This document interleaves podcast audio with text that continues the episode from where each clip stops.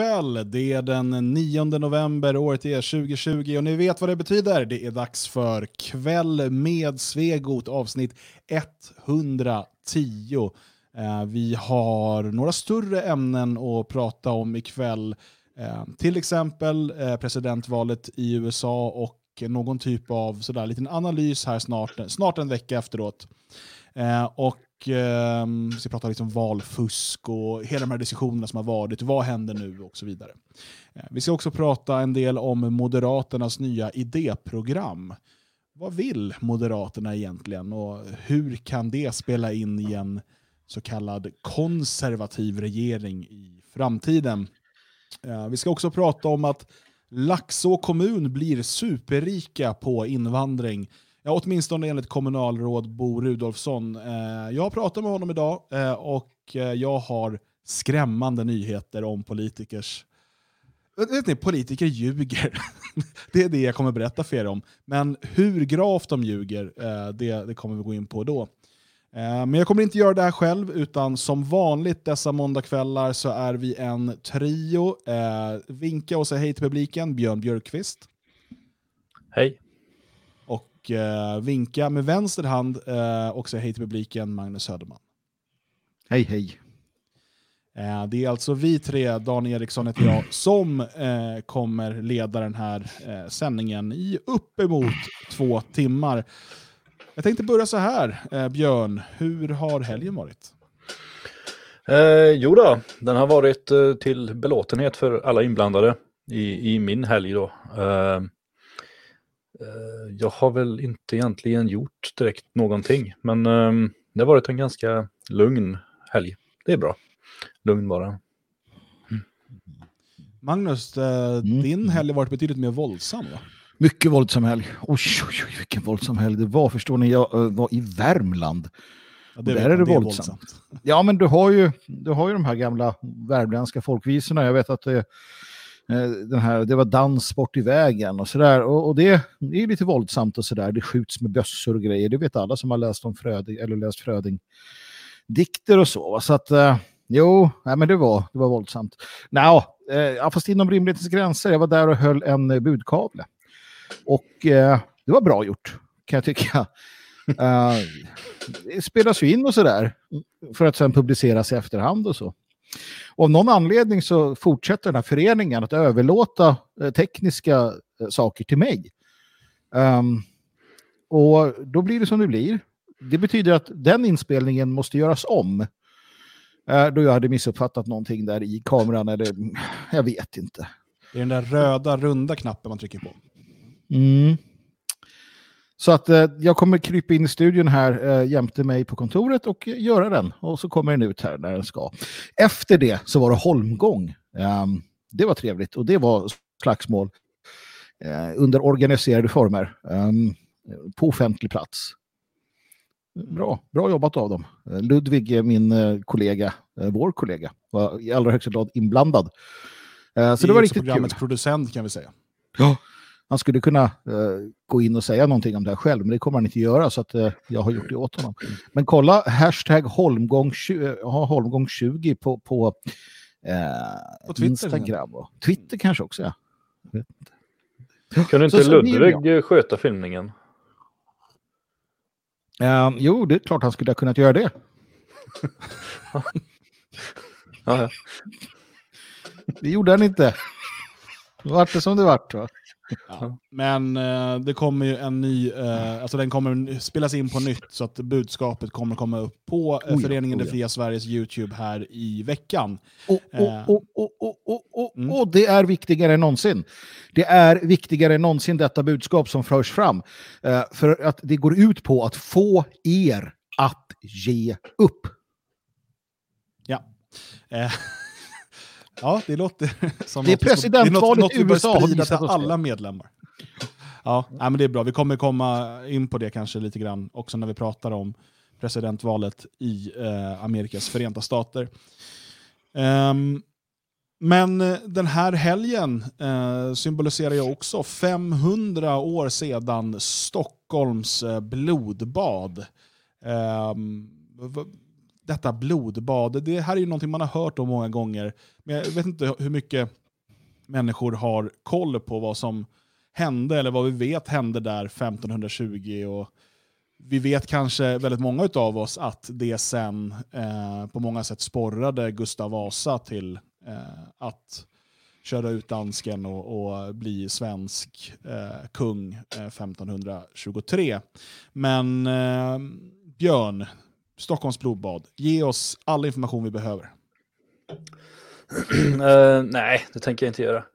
Men jag kan ju ge lite information. Eller det, för, för grejen är ju att det, det, är så himla svårt att egentligen bara kasta sig rätt in där. Då det var 7-9 november som uh, blodbadet ägde rum. Men det kom ju inte liksom helt ur liksom, ingenstans. Det var inte så att det bara åkte upp en dansk och bara samlade ihop 82 till 100, det är lite oklart exakt antal människor och, och, och lätt hänga och halshugga dem. Utan det är egentligen en lång konflikt som har eh, varit knutna band och avhuggna band liksom en 100-150 år bakåt i tiden.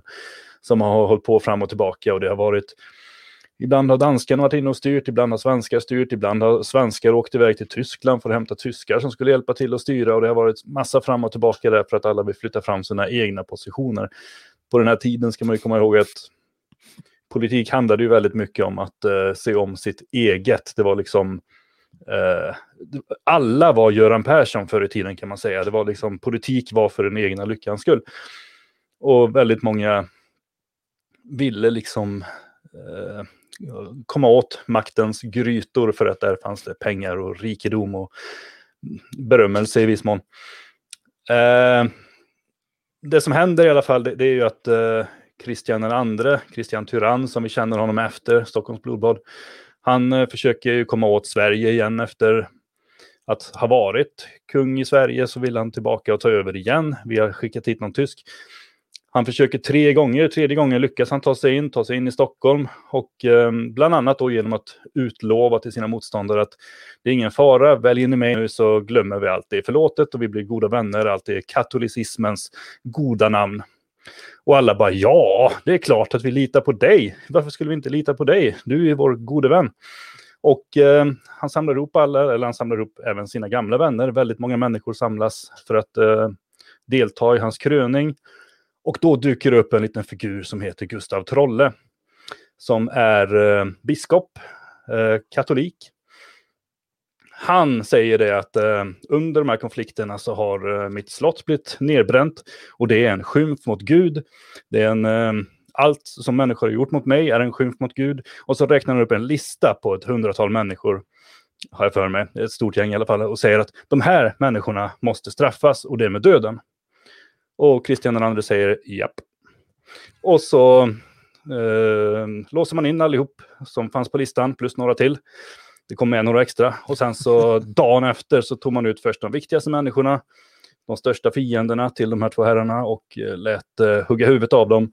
Sen började man hänga folk på löpande band eh, och det pågick då i två dagar. Det sägs att bland annat att eh, en person som bara passerade torget, Stortorget i, i Gamla stan och började gråta, också blev insliten och hängd för att han inte kunde bete sig. Och man sprang in till någon barberare och, och även ryckte ut han och lät hänga upp han. Då. Jag vet inte vad han hade gjort.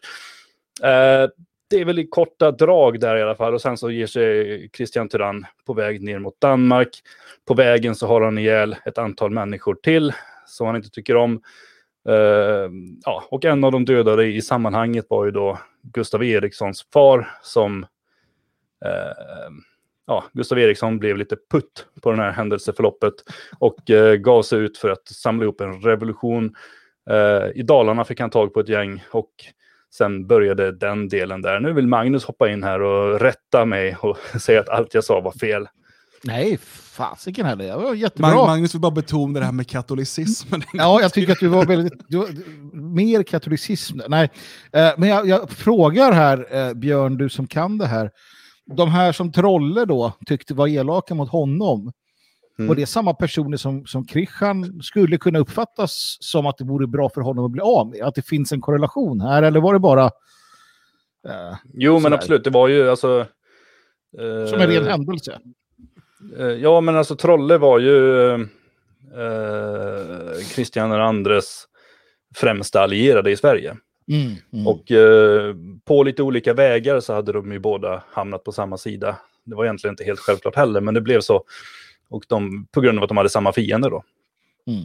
Så, så är det ju. Så det förs väldigt mycket diskussioner om allting var Kri- Christian Elander som hade planerat allting för att jävlas eller om det var Trolle. Jag lutar mer åt förrädarteorin faktiskt. För Mm. Jag tycker den är mer kittlande på något sätt. Ja, men så är det ju. Så är Det ju. var väl ändå så att eh, Gustav Vasa sen också eh, ja, brännmärkte eh, Trolle som landsförrädare. Mm. Mm. och, och Rom var ju väldigt... Eh, de var inte speciellt nöjda med Gustav Vasa eller Gustav Eriksson såklart. Eh, och hade hårda påtryckningar att Trolle skulle vara ärkebiskop och så vidare, även efter eh, Gustav Vasas kröning. Eh, Men eh, Gustav Vasa hade ingen, ingen lust med det, att ha en landsförrädare som ärkebiskop, helt enkelt. Nej, han eh, såg ju till att kasta bort hela Rom till sist. Så, att, eh, så gick det med den saken. vart reformation istället. Bra där, Gustav. Uh, fin kar. Det utlöstes av den där dumma dansken då. Christian Tyrann, eller Kristian den store och gode och fine som han heter i Danmark. Kanske i delar av Skåne, jag vet inte. Vilket Men- är sant i och för sig, men jag vill bara säga det. Det, Alltså, det, det är faktiskt tycker inte är- sant. Eh, det jag tycker är kul i sammanhanget är ju ändå att man alltid, att alla alltid går på det där. Alltså, ni får fribrev, eller är, det så, jag vet inte, men så här, fribrev, ja, det är lugnt, ni, jag, jag förlåter er. Inga problem, ge upp och ge mig era vapen så kommer jag låta er vara. Jag tycker mer ofta än sällan det verkar som att det slutar med, med liksom blodbad varje gång. Lite beroende på vart man är någonstans. Liksom. Jo, men Mycket så är det ju, men naivitet, väldigt- så Nyköpings gästabud liksom. Det finns också så här. Eller när Saddam Hussein samlade ihop sina närmsta kamrater och sen satt och grät och läste upp deras namn medan de plockade ut och halshögg dem en efter en. Låt Det var mer charmigt på något sätt när han gjorde det. Ja, nej men det, det är hela tiden så där varje gång. Det är så... jag, jag, jag kommer inte gå på det. Jag hamnar i den situationen som nej. Det är som ibland när Dan kommer till Sverige, eller man sådär, och, och, och så säger han så att eh, Magnus, låt oss åka en, på en biltur ut i, det, i, ut i Vargavidderna reservatet. Då säger jag jämt nej Dan, det ska vi inte, vi stannar här där det är en massa människor runt oss. Ja, du är fortfarande kvar i styrelsen. Precis, jag är fortfarande kvar. Va? Så att, ja, det, det var långt många fler i styrelsen en gång i tiden. De är inte kvar. De åkte på den här bilturen. Jag vet inte. Ja, är det någon som har sett Robin Holmgren? Nej, men det är ju inte det. Nej. Han bara, det är någon som skriver i hans namn i nationalisten. Mm. Mer vet vi inte. Eh, jag använde faktiskt Stockholms blodbad som ehm, uppbyggnad liksom, i mitt tal i Danmark här i, för någon månad sedan. Eh, tyckte att det var passande att liksom, eh, stå upp och, och, och liksom, riva upp de såren det första jag gjorde. Mm. Eh, så att jag började med att skälla ut danskarna efter noter. Bra. Eh, och sen förklara att, eh, vi, att vi inte har förlåtit dem än. Och sådär. Eh, allt i försoningens tecken för Europa Terra Nostra. Mm. Eh, nej, men det, var, det, det var ju passande på det sättet att, att vara i Danmark och just tala om vikten av europeisk försoning. Eh, då var det ju symboliskt också att det var på 500 års eh, året utav Mm. eh, just Stockholms blodbad. Ja, du kanske har glömt, det har inte jag, kan jag säga. Uh, jag, jag gjorde något liknande, det var när jag höll tal i, i Wunsiedel i Bayern på Rudolf Hess Memorial. Jag vet inte om det heter så. Memorial. så himla konstigt att de slänger in ett engelskt ord. I Wunsiedel. Ja. Ja, eh, i alla fall. Och då drog jag någon koppling där till hur de germanska härarna hade, hade slagit de förrädiska, falska, lata romarna i Teutoburgerskogen år 9 efter Kristus. Och alla germaner i publiken jublade. Efteråt kom, om det var Jürgen Rieger fram och sa det att fan nu gjorde du, nu har jag fått ägna en timme åt här att göra våra italienska vänner glada igen. För de hade blivit gravt förolämpade av att jag hyllade eh, slakten av dem. Eh, men det tyckte jag mer än, inte mer än rätt, så det, det gjorde inget. Kan bli sådär, hade du behövt jag det? kan bli fel ibland. Eh, efter någon Salem-manifestation tror jag det var, någon efterfest sådär, så på publikens inrådan så började trubaduren spela eh, den gamla visan Polacken Tango, eh, vilket inte var uppskattat av våra polska gäster i publiken. Man måste liksom känna av rummet innan man spelar den typen av sånger. Ja, det är fantastiskt. Ja, vad kan vi lära oss Stockholms blodbad av Björn? Jo, men det som är viktigt och som vi egentligen har med oss, det, det vi mest av allt har med oss, det handlar ju inte om eh, att vi gick över till, eh, eller ja, lä lämnade Rom bakom oss och sådär, utan det är att vi fick ordet brasklapp. Mm. Uh, det kommer ju också härifrån. Uh, det var ju en, jag kommer inte ihåg vad han hette i förnamn. Brask hette han i alla fall efternamn. Biskop. Biskop, just det. Det var ett vanligt förnamn på den tiden bland de här kretsarna. Uh, Biskop Brask. han blev ju friad på något sätt. Han, han, var en av de som lästes upp som Trolle ville ha ihjäl. Eh, men på något sätt, man vet inte hur, men enligt folksägen sen så, för han var en av de som skrev på att Eh, eh Trolles eh, palats skulle rivas. Eh, men då sägs han ha stuckit in en extra lapp bakom lappen, så här, lite som, eh, som en adventskalender. Och skrivit att eh, till detta är han nödd och tvungen. När han, men han ville egentligen inte då, men han var tvingad. Och genom den lilla lappen då så tyckte Kristian den andra att nå, det är klart att du inte ska behöva bli hängd. Och så slapp han undan. Det var ju såklart någon annan form av maktpolitiskt spel bakom det. Men, men det är en rolig historia i alla fall. Och Eh, jag tror att Tyko Tycho som skrev det någonstans att mycket har ju säkert ändrats i de här historierna och det är klart att de har. Det är 500 år sedan och framförallt det, de första, det första århundradet efter så det är klart att det var eh, maktpolitiskt spel vem som kunde berätta historien och självklart så eh, är det säkert inte mycket som är exakt eh, med verkligheten. Men det är mm. lite skitsamma därför att eh, det är så historia skrivs. Mm. Jo, men så är det alltid, och speciellt efter liksom, krig eller stora maktuppgörelser eh, så är det ju så att segrarna får sin möjlighet att, att skriva historien. Uh, och sen uh, kan det där revideras senare, och bli, fast bli ännu mer fel, men för att det kommer någon annan vilja till makten och sådär. Och, och till slut så har vi kanske bara ett spår av sanning i, liksom, i, det, uh, i det vi läser. Och det gäller ju allt ifrån liksom, historiska händelser till personporträtt och så vidare. Um, det är bara läs om hur liksom, berättelsen om Gustav III har förändrats genom liksom, århundraden. Eh, mm. liksom beroende på vilket, eh, ja, vilka som haft den politiska makten för tillfället och därmed kunnat skriva historien. Eh, kan vara viktigt att ta med sig till mer moderna händelser också. Att eh, Det här är ingenting som har förändrats. Det, det, så är det ju än idag såklart, att alla vill få ut sin bild eller sin vinkel utav eh, verkligheten. Och det är inte alltid den är liksom objektivt sann. Jag undrar om det finns någon sån där jävla trolle kvar i landet som eh, vi kan driva ut. Du måste släppa det där. Ja, men det var ändå 500 år. 600 år, det är förlåtet. Så håller undan 100 år till. Nej, några trollar är bra om de är med oss. Annars är de dåliga ja, de också. Hör av dig. Uh, Ja, men 500 år sedan eh, Stockholm... Försöker du locka fram dem där? Ja, men vi ska ha en middag. Det är klart du ska komma, trollen. ja, alla trollarna kan komma till... Allt är förlåtet, vi snackar om det här. Björn, har du några boktips om man vill läsa mer om Stockholms blodbad? Uh, nej. okay. Du hade läst en bok om det, sa du? Jo, men jag har inte den framför mig. Jag minns inte vad... Den hette Stockholms blodbad. Ja. men, uh, men jag kommer inte ihåg vem som hade skrivit den. Men jag tycker man kan ju Uh, man, man, kan ju läsa uh, Ett rike utan like. Kan man göra. Uh, den tar inte upp Stockholms blodbad jättemycket, men det nämns ändå i, i sin kontext. Och man får lite, för att det är som sagt, man kan inte bara läsa själva händelsen så, utan allting hör ju ihop med vad som hänt innan och efter. Så att, mm. att bara läsa om en händelse är, är ganska meningslöst. Så um, det är en bra bok. Um, jag eh, lyssnar på ganska mycket poddar. Eh, det erkänner jag. Jag lyssnar på väldigt lite så kallat nationella poddar. Jag, jag tycker det är intressantare att hoppa runt bland antingen liksom politiska motståndare på ytterkanten eh, eller liksom mainstream-poddar och sådär. Bara för att Dels för att inte liksom bli helt kvar i min bubbla, men också för att eh, förstå lite hur liksom våra, våra motståndare tänker, utmana mina egna argument eh, och, och, dessutom få en del uppslag till saker vi kan prata om. Um, så ibland så gör jag så att jag, jag kollar igenom efter nya poddar att lyssna på och se om det är något att höra.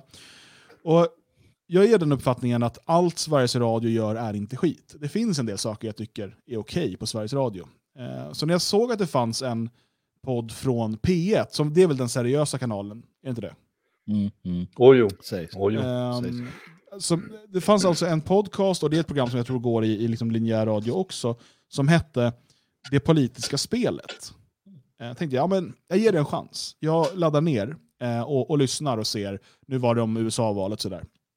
Det kanske är bra. Eh, kanske liksom har intressanta experter och sådär. Eh, och då vill jag dela med mig utav, eh, som vi kommer in för 30 sekunder in i sändningen, när programledaren, eh, riksbögen Henrik Torehammar, eh, som jag hade en, en internetbeef med 2008, inget är glömt och förlåtet Henrik, ehm, eh, han ska liksom välkomna de, eh, liksom panelen som han har med sig. Och det, det, här, det här är alltså P1, Sveriges Radio, den seriösa kanalen, deras politiska program, eh, Det politiska spelet. Då låter det så här.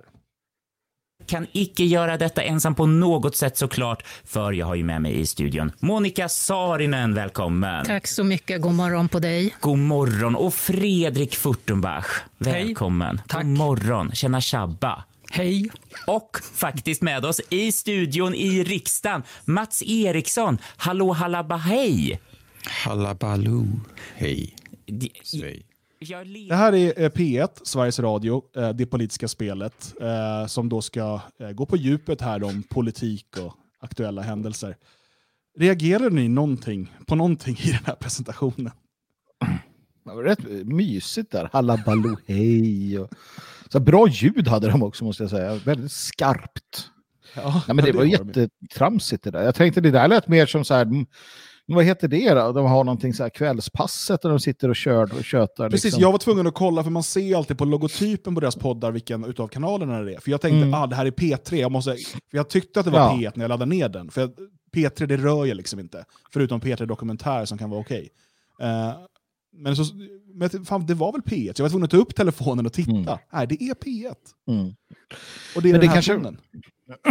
För att få, för att få liksom människor att lyssna på politik kanske du behöver ha lite sådär äh, lätt inledning. Jag, jag, vet inte.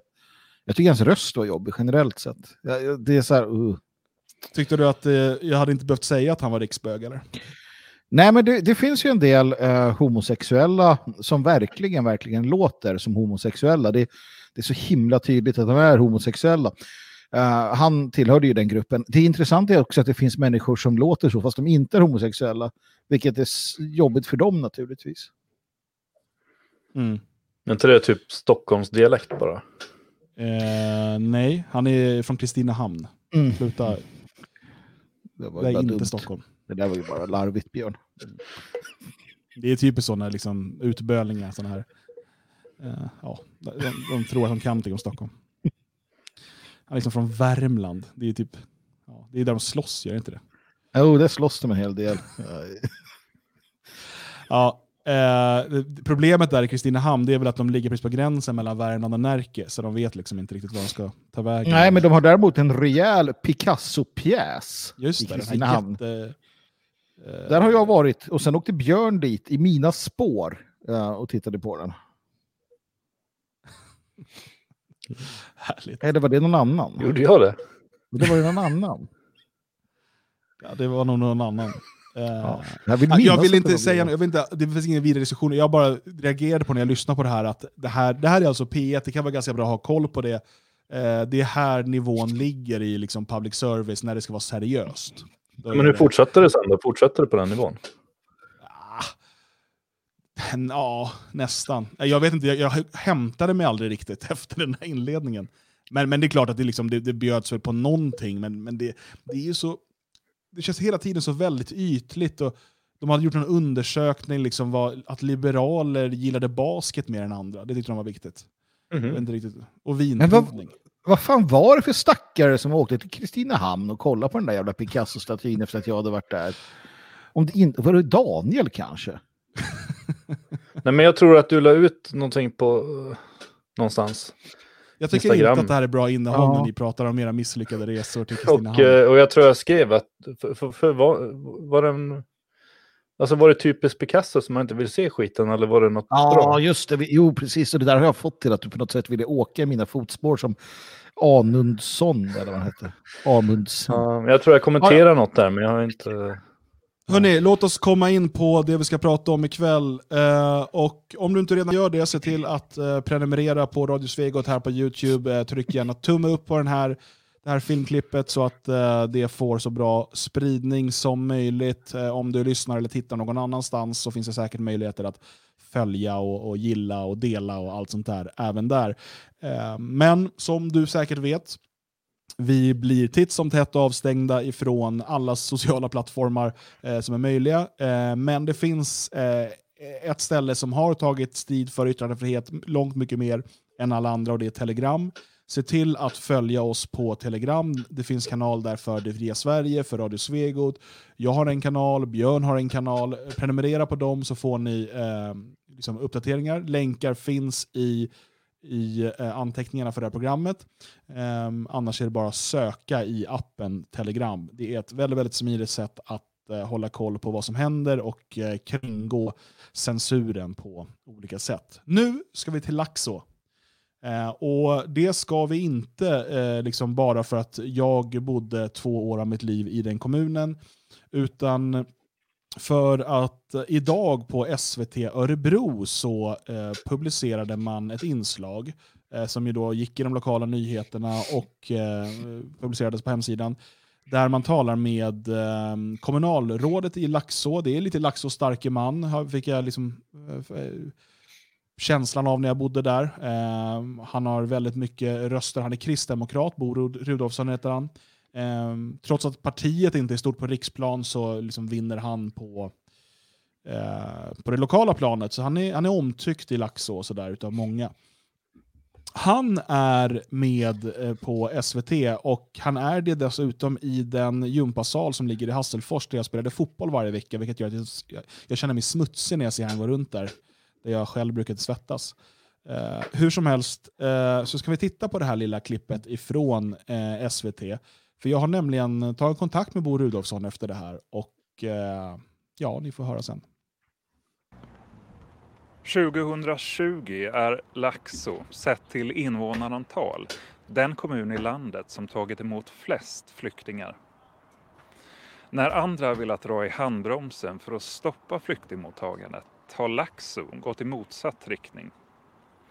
Enligt mm. det kristdemokratiska kommunalrådet Bo Rudolfsson handlar mottagandet om kommunens överlevnad och en tryggad ekonomi. Rent ut sagt, vi har ju tjänat pengar som kommun på att vi har tagit emot människor. Vi har gått god ekonomi i detta. Och jag gjorde en uträkning inför ni skulle komma att varje av de här som 65 procenten som bor kvar av de här 870-880 som har tagit emot sedan 2013. Alltså vi får 25 miljoner per år i snitt på just på dem. Förutom de pengarna vi fick vid 15, 16 och 17 från staten.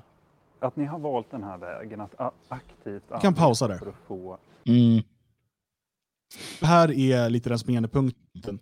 Han säger att eh, vi får 25 miljoner per år. Eh, tack vare de här människorna som då var nyanlända och inte har flyttat ifrån Laxå. För det är ju, eh, vanligtvis är det många som hamnar på eh, landsortskommuner um, och sen så när de får uppehållstillstånd eller så, så flyttar de liksom till städer och så. Mm. Um, Laxå är väldigt glada för att de har fått 65% att stanna kvar. Uh, och man får 25 miljoner um, utav, jag vet inte, man får 25 miljoner genom att de är där i alla fall. Han jag säger inte varifrån. Nej, precis, men han säger utöver det vi fick från staten. Alltså, så det är inte ja. det här etableringsstödet som var 15, 16, 17 som han nämner. Um, så då, då, blir man ju så här fundersam på, okej, okay, var får han den här siffran ifrån? Uh, mm. och, och, det finns en större fråga här som jag kommer till sen. Men jag ska, så jag frågar honom, jag, jag, jag kontaktar honom och frågar, um, okej, okay, var uh, får, alltså, hur kan man få se den här uträkningen? Och är det här då netto eller liksom, har du räknat in kostnader också eller är det bara liksom, bidrag? Eller alltså, är det bara då så kallade intäkter? Och då visar det sig när han svarar att han har dragit det här helt ur eh, bakdelen. Mm. Alltså det, det, är påhittade siffror, med väldigt skakig grund. Jag ska läsa hans svar. Här. Så här säger han. Hej, tack för din fråga. Så här har vi skrivit i vår budget för 2021. Laxå kommun har under de senaste åren tagit emot många flyktingar och ensamkommande barn. Totalt cirka 870 personer har flyttat till Laxå under perioden 2013 till juli 2020 och närmare 65 procent bor kvar. Under 2019 och 2020 har hittills 143 nyanlända personer bosatt sig i Laxå netto och påbörjat sin etablering. Dessa siffror blir intressant att följa över en längre period! Utropstecken. Detta har bidragit till en positiv befolkningsutveckling och det är viktigt att vi får en bra integration så att så många som möjligt väljer att etablera sig, det vill säga fortsätta bo, arbeta, studera och leva i Laxå kommun. Och sen skriver han, andelen självförsörjande nyanlända flyktingar var vid delårsbokslutet 2020-08-31 mellan 80 och 85 procent. Med självförsörjande menar vi att personerna arbetar eller studerar och försörjer sig via lön eller studiestöd eller studielån eller så är det självförsörjande genom föräldrapenning eller aktivitetsersättning från Försäkringskassan. Jag In your face, en... rasist! jag gjorde bara en enkel uträkning. 870 personer gånger 65 procent gånger Gånger cirka 50 000 kronor per år i snitt per person i skatter och statsbidrag är lika med 28 275 000 kronor. Att göra det mer specifikt så måste man gå ner på individnivå. Det är ett alldeles för stort arbete. Kostnaden är skola för barnen och lite försörjningsstöd. slash, inte MVH, slash bord Rudolfsson. Ja. Men han måste ju vräkas från, alltså Laxåborna måste ju gå till kommunhuset, släpa ut han rullande kärr och fjädrar. Det här är ju hopplöst. Människan är ju för fan dum i huvudet. På riktigt jävla efterbliven. Alltså, red ut varför han har fel. Alltså... Okej, okay, vi börjar så här. Eh, hela antagandet då är att okay, 870 personer har flyttat till Laxå under den här perioden, så kallade flyktingar, nyanlända, bla bla, 65% på kvar. Så då har han 870 personer gånger 65%, 0,65, så han får 600 eller 500 vad det nu blir. Eh, men då räknar han ju även också med barn och sådär. Alltså, alla, alla är med där. Eh, 870 mm. personer. Um, han pratar ju också om ensamkommande barn. Så där har vi det första felet. Det andra felet då är att han menar att 85% är självförsörjande. Och då menar han att personen arbetar eller studerar och försörjer sig via lön eller studiestöd slash studielån. Eller så är de självförsörjande genom föräldrapenning eller aktivitetsersättning från Försäkringskassan. Okej, okay, för det första då, Försäkringskassan, visst, det är inte Eh, det är väl inte kommunen som betalar det. Absolut. Men det är fortfarande så att det är svenska skattebetalare som betalar det. Föräldrapenning kan vi diskutera om det liksom är självförsörjande. Speciellt om man har kommit hit 2016. Eh, så man har knappast betalat in massa till systemet. Eh, och Dessutom så är det så, vad är det för arbeten de här människorna har? Kan vi, kan vi börja prata om det? Är det så att de här personerna är, att de arbetar i privat sektor och betalar mer skatt än vad de tar ut. Han, han, de enda kostnaderna för de här människorna det är skola för barnen och som man skriver lite försörjningsstöd. Det är de enda kostnaderna. Det finns inga andra kostnader kopplade till de här människorna. De påverkar inte eh, liksom, ekonomi på något annat sätt, än för de gör inget annat. De, alltså, det är så dumt! Och, och, och vad, hur menar han att de, är, att, de är, att de försörjer sig via lön? Är de helt försörjande via lön? Eller är det som de brukar säga, så, ja, men det går eh, 800 000 invandrare och arbetar och de går en timme i månaden för att komma in i den här statistiken. Pratar vi här om heltidsjobb och återigen, är det privat sektor eller offentlig sektor? Om det, är, om det är privat eller offentlig sektor, men dessutom med stöd, alltså betalt från Arbetsförmedlingen eller socialtjänsten på något sätt i alla de här instegsjobben, bla bla bla bla bla, så är de ju inte försörjda av att skapa värde, utan genom skattepengar. Det är det här... Och, och, och, det stora problemet här, det är egentligen inte att Bo, Bo, Bo Rudolfsson ljuger. För han är politiker, han är kristdemokrat, han tillhör något av världens liksom, värsta avskum genom att bara vara de två sakerna. Men, så, så vi ska inte förvänta oss någonting annat. han ljuger, det är, liksom hans, det är hans roll i livet. Han, han har liksom vaknat upp någon dag sådär Jag skola bliva lögnare, nu går jag med i Kristdemokraterna. Eh, och, och, så blev det så. Han var lärare innan, så han har väl ljugit för barn och nu ska jag ljuga för vuxna. Höj! Eh, och, eh, så det är en sak. Varför ställer inte SVT en kritisk fråga? När han påstår detta. Den enda självklara följdfrågan är, okej, okay, men hur har du räknat ut det? Okej, okay, så berättar han det. Okej, okay, men eh, så kan du ju inte räkna. Hade det varit journalister, hade SVT haft någon som helst uppdrag att granska makten, då hade det varit den självklara frågan. Istället står han där och mm, okej, okej. Det, det, det är ett propagandainslag. Det är hjärntvätt som pågår. För att 80% av svenskarna kommer titta på det här så här, Laxå blir rika nu ja. Jaha. Ja, men titta, det är ju det här med innan. Ja, hur skulle de annars överleva? De får ju 25 miljoner varje år genom de här människorna. Men vad bra, jag vill också att vi ska ha 25 miljoner. Varför ställs inte frågan? Och, och liksom, ja, det, det är så jäkla idiotiskt. Ja, det är bra dumt det där. Men som sagt, de kommer undan med det om och om igen och därför gör de det ju. För att den där kortsiktigheten som det i grund och botten är, det är det som driver dem framåt. Och han ser väl någon vinst någonstans. Sen att det var så illa med eh, räkne, räkne, räknekunskaperna, det är väl en annan sak. Det där hade jag kunnat räkna ut själv. Men man förvånar sig ju ändå. Alltså jag gör det. Jag vet ju hur de är, men jag blir ändå förvånad när de, när de är så väldigt sådär och den här fräckheten att han svarar på det här sättet. Så, äh, men så här har jag tänkt och nej, men det funkar. Att han, inte känner, att han inte känner att han borde ha mer på fötterna, det är väl lite skrämmande i sig också kan jag tycka.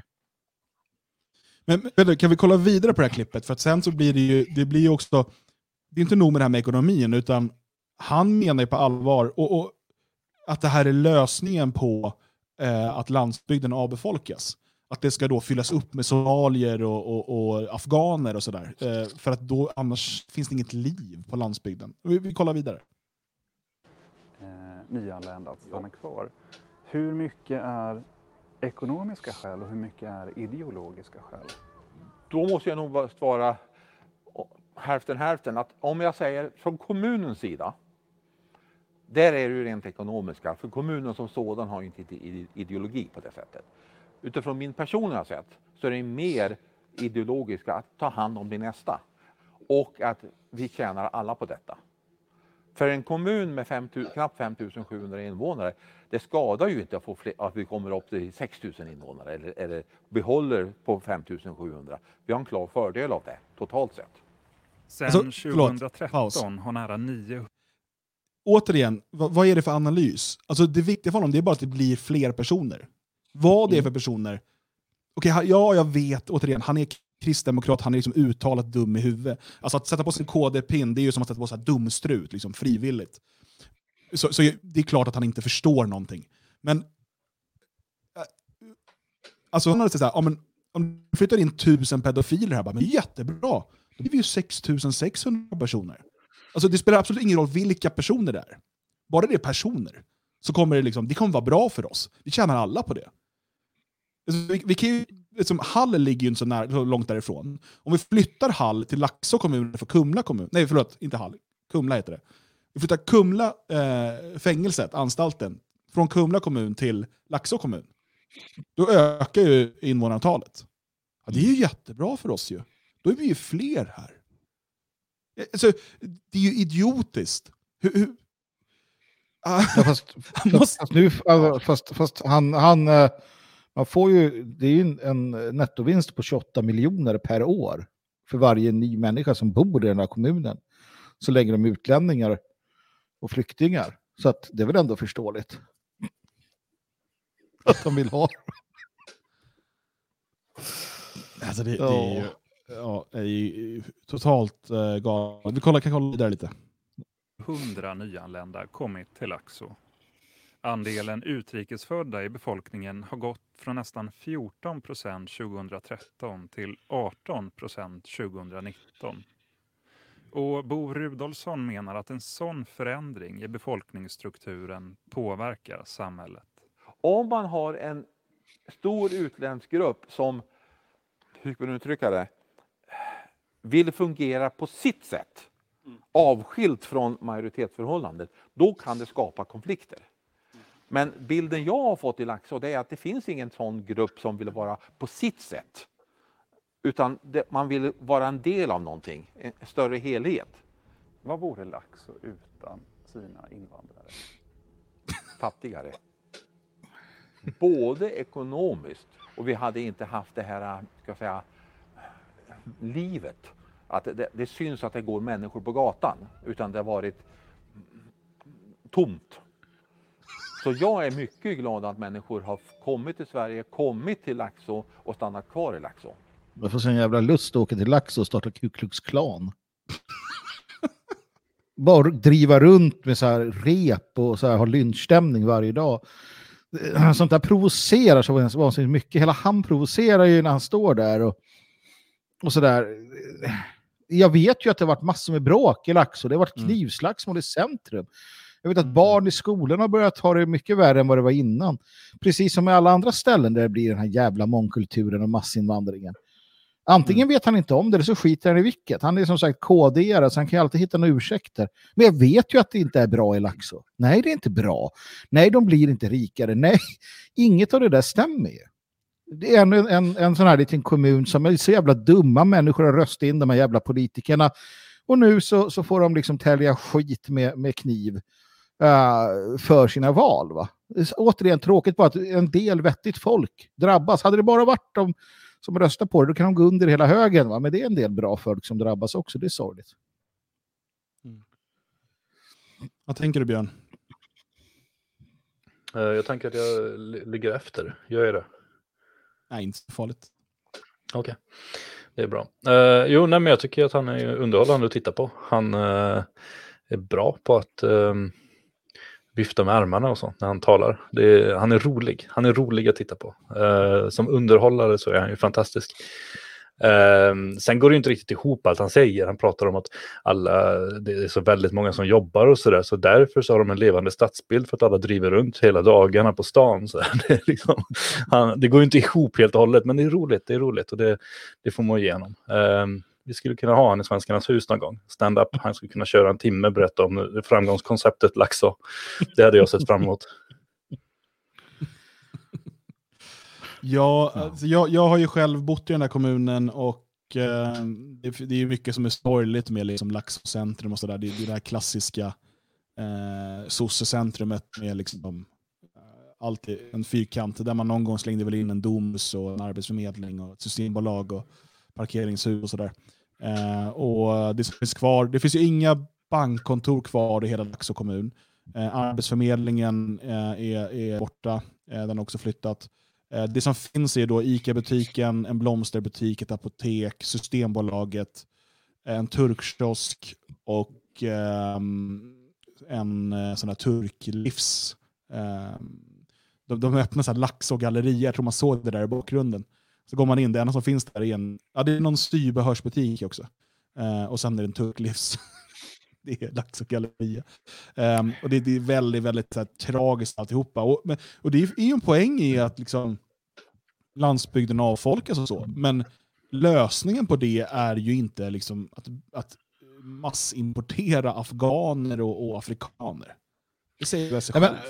Här, här, tycker man också att Laxå kunde haft en... Alltså, faktum är ju att Laxå skulle kunna ha en, en alltså det är fördel Laxå. E, vi har E20, vägkrogar, eh, du, har, du har Burger King, du har eh, Subways, du har eh, någon sån här bowlinghall, du har någon, alltså, det finns mycket. Och är det något som räddar Laxå så är det ju inte invandrarna. Det är det faktum att du har den eh, hubben där många stannar. Det är, det är ofta fullt där, du har pizzerior och sådär. Så att det är många som stannar här. Du har hotell för Uh, du har hotell för lastbilschaffisar och liknande.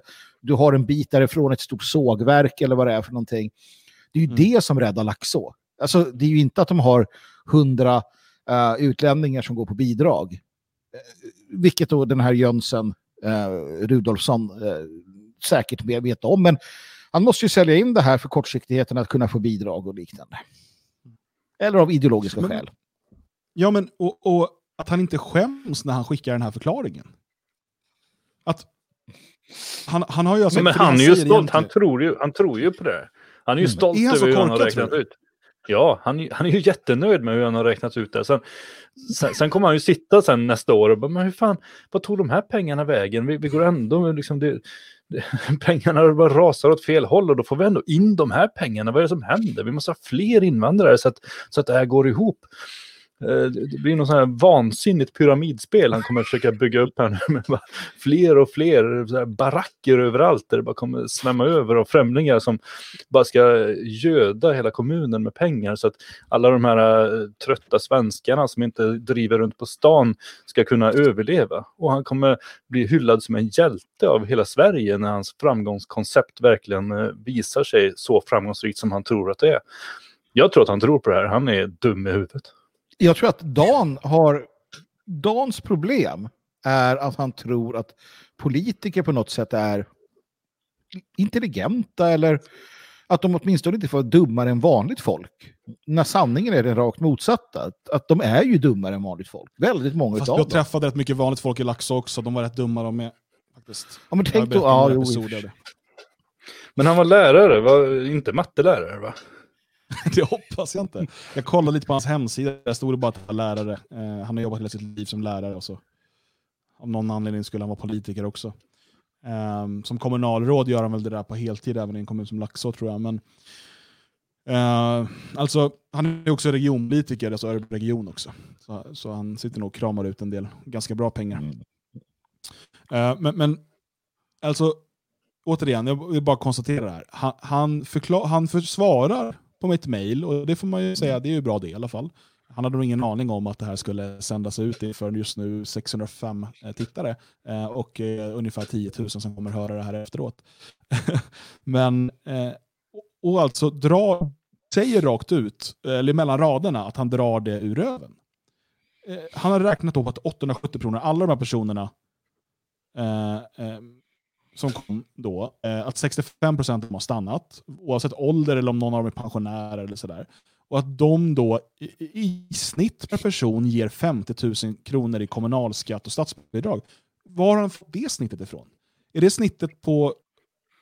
Det finns liksom ingen förklaring. Han, utan, ja, 50 000 säger vi då. Det låter väl bra. Det kan vi räkna på. Eh, och, och då, så att om någon är försörjd av saken är ju den att även om du har aktivitetsersättning från Försäkringskassan så betalar du ju kommunalskatt. Så, så, alltså, poängen är ju den att även om du har pengar från Försäkringskassan så ja, för kommunen så kommer det in kommunalskatt. Men mm. det handlar ju bara om, det handlar bara om transfereringar. Det handlar ju bara om att flytta pengar från en kommun som, som betalar in till staten för att de har ett överskott Eh, av skattepengar och ett underskott av invandrare till, eh, till kommuner som har eh, underskott i finanser och överskott av invandrare. Det är liksom så det fungerar. Eh, och, och, och, eh, samtidigt så har ju kommunen såklart massa kostnader, både på kort och på lång sikt, för de här utlänningarna i, i Laxå. Eh, Sandviken var väl liksom det senaste roliga exemplet där det var så himla bra och sen så eh, håller man på att gå i konkurs. Eh, vi såg hur det gick i Filipstad. Malmö borde ju vara Alltså, det borde ju se ut som du vet, Dubai nu. Alltså. Mm. Gör det ju till viss del, men inte, inte arkitektoniskt. Alltså. Nej, men det, nej, men det är ju mycket som är fel, är det ju utan tvekan. Och det, det, eh, jag, menar, jag, har ju sådana konstiga intressen och brukar sitta och roa mig med att läsa gamla texter eh, från början av 1900-talet. Och det här är ju det som Eh, så, såväl de gamla konservativa som eh, gamla bondeförbundet så här, varnade för. De ville ha en levande landsbygd. De la fram förslag på hur, det skulle kunna, hur man skulle kunna få det. Det handlade om ökat barnafödande när vänstern sprang och skrek om, eh, liksom, krävde motsatsen. Eh, för att de menade att eh, annars kommer vi hamna här eh, ihop med urbaniseringen när, när alla flyttar in till städerna. Vi kommer få en döende landsbygd, vi kommer få en åldrande befolkning som vi har svårt att Eh, ta hand om av ekonomiska skäl. Och då kommer kraven från de andra bli att eh, vi måste importera människor. Och hela vänstern mm. bara, nej, vad är det för dumheter? Det är väl klart att det, är klart att det kommer väl inte hända, man importerar väl inte människor för att ta hand om de äldre. Och det är det vi håller på med och det är det argumentet vi har hört nu i 20 år på allvar. Förr så var det ett hot. Eh, grunden, alltså hela felet från början är ju att vi har slutat föda barn. Precis, alltså det är grunden, så här, okej, okay, vi kan prata grunden till förfallet, då kan vi nog börja leta liksom djupt. Och till slut sitter vi där och, och, och vi pratar om Judas och hans... alltså där någonstans. Men, men, men um, en stor bidragande faktor då kan vi säga, det är absolut uh, det, det, som sker under framförallt 50, 60 och 70-talen när uh, den, den sexuella uh, frigörelsen med p-piller, abort och så vidare och dessutom då med ungdomskultur som lanseras från, från Amerika eh, och Hollywood och så vidare. Och eh, vi har där rockmusiken och allt sånt där. Jag vet att jag låter som Sivert Öholm nu, men håll i. Um, jag vet, man, eh, Björn, du, du, ja, eh, Björn, du la upp ett, eh, en skärmdump från uh, Kris i befolkningsfrågan, heter det va? Uh, makarna Myrdals uh, klassiska uh, pamflett. Um, nu gör man ju inte och, skärmdumpar ur böcker, men jag tog ett foto. Okej, okay, förlåt. Um, och uh, de, här, de har ju varit drivande i hela den här idén om, om daghem och att liksom det viktiga är att kvinnor kommer ut i, i, på arbetsmarknaden och så vidare. Vilket såklart är viktigt i ett materialistiskt eh, och eh, eh, vad ska man säga, marxist-kapitalistiskt samhälle, vad vi nu kallar det för. Um, och, och, och, Då behöver barnen vara på dagis, eller förskola eller daghem. Uh, och Det som händer såklart, dessutom i samband med att man kan kontrollera reproduktionen genom abort och p-piller och så, uh, det är ju att barnafödslarna föd, födslarna går ner kraftigt. Eh, och Nu för några dagar sedan så skrevs det på eh, i Aftonbladet om nya larmet, pensionen räcker inte till att de som har arbetat i 40 år, många av dem får eh, knappt någon krona mer i pension än de som aldrig har jobbat någonting. Och Det beror ju på att hela systemet är uppbyggt som ett pyramidspel där det ska komma in fler och fler arbeta hela tiden. Eh, och med 1,7 barn per kvinna, eller vad Sverige nu ligger, 1,9 kanske nu, så eh, funkar inte det helt enkelt. Eh, och Då är lösningen som politiker ser på kort sikt är att vi måste importera människor eh, för att då vi ska bli fler. Precis som Rudolfsson i det här inslaget eh, säger att ja, men det är jättebra, vi är fem och sju, vi kanske kan bli sex utan att åtminstone behöva hålla oss på fem och sju och det är ju väldigt bra för kommunen och så. Precis samma sak, samma fungerar med pensionen. Och för att inte spåra ut för mycket, men när det gäller pensionssystemet så är det dessutom så att Eh, problemet med den här typen av socialiserade pensionsförsäkringar är att de är omöjliga att liksom, eh, lämna. Alltså de är omöjliga att ge upp och säga att ah, det var inget bra system, vi behöver skrota det. För att de människor som nu är nära pension och har betalat in i systemet 40 år, de kommer ju aldrig gå med på att men nu finns inte det systemet, du har betalat in till något som inte finns längre. Eh, utan det, det, blir en väldigt krånglig övergångsperiod. Bara så att för de som tror det så är det ju inte så att du betalar in eh, alltså skatt idag eh, och sociala avgifter för din pension och sen läggs det på ett konto där det står Magnus Söderman. Eh, och sen när Magnus Söderman går i pension så betalas det ut till honom. Så hade det fungerat om vi fick förvalta våra pengar själva. Men det staten gör nu när du betalar in pension, vilket du måste göra, du är tvingad att göra, då betalar man ut det till de som är pensionärer idag. Mm. Vilket gör att det här måste fyllas på hela tiden. Eh, för att annars kommer Magnus inte få någon pension eh, från staten eh, när han blir pensionär. Och, och, därmed så gör du människor, du binder in upp människor i det här systemet. Så att, eh, de som är 40, 50, 60 år idag eh, och ser pensionen någonstans 65, tror du, det kommer inte hända, åtminstone inte med 40. Eh, de kommer aldrig gå med på att men vänta, jag har ju betalat in i 20, 30, 40 år. Det, ni kan inte lägga ner det här systemet nu.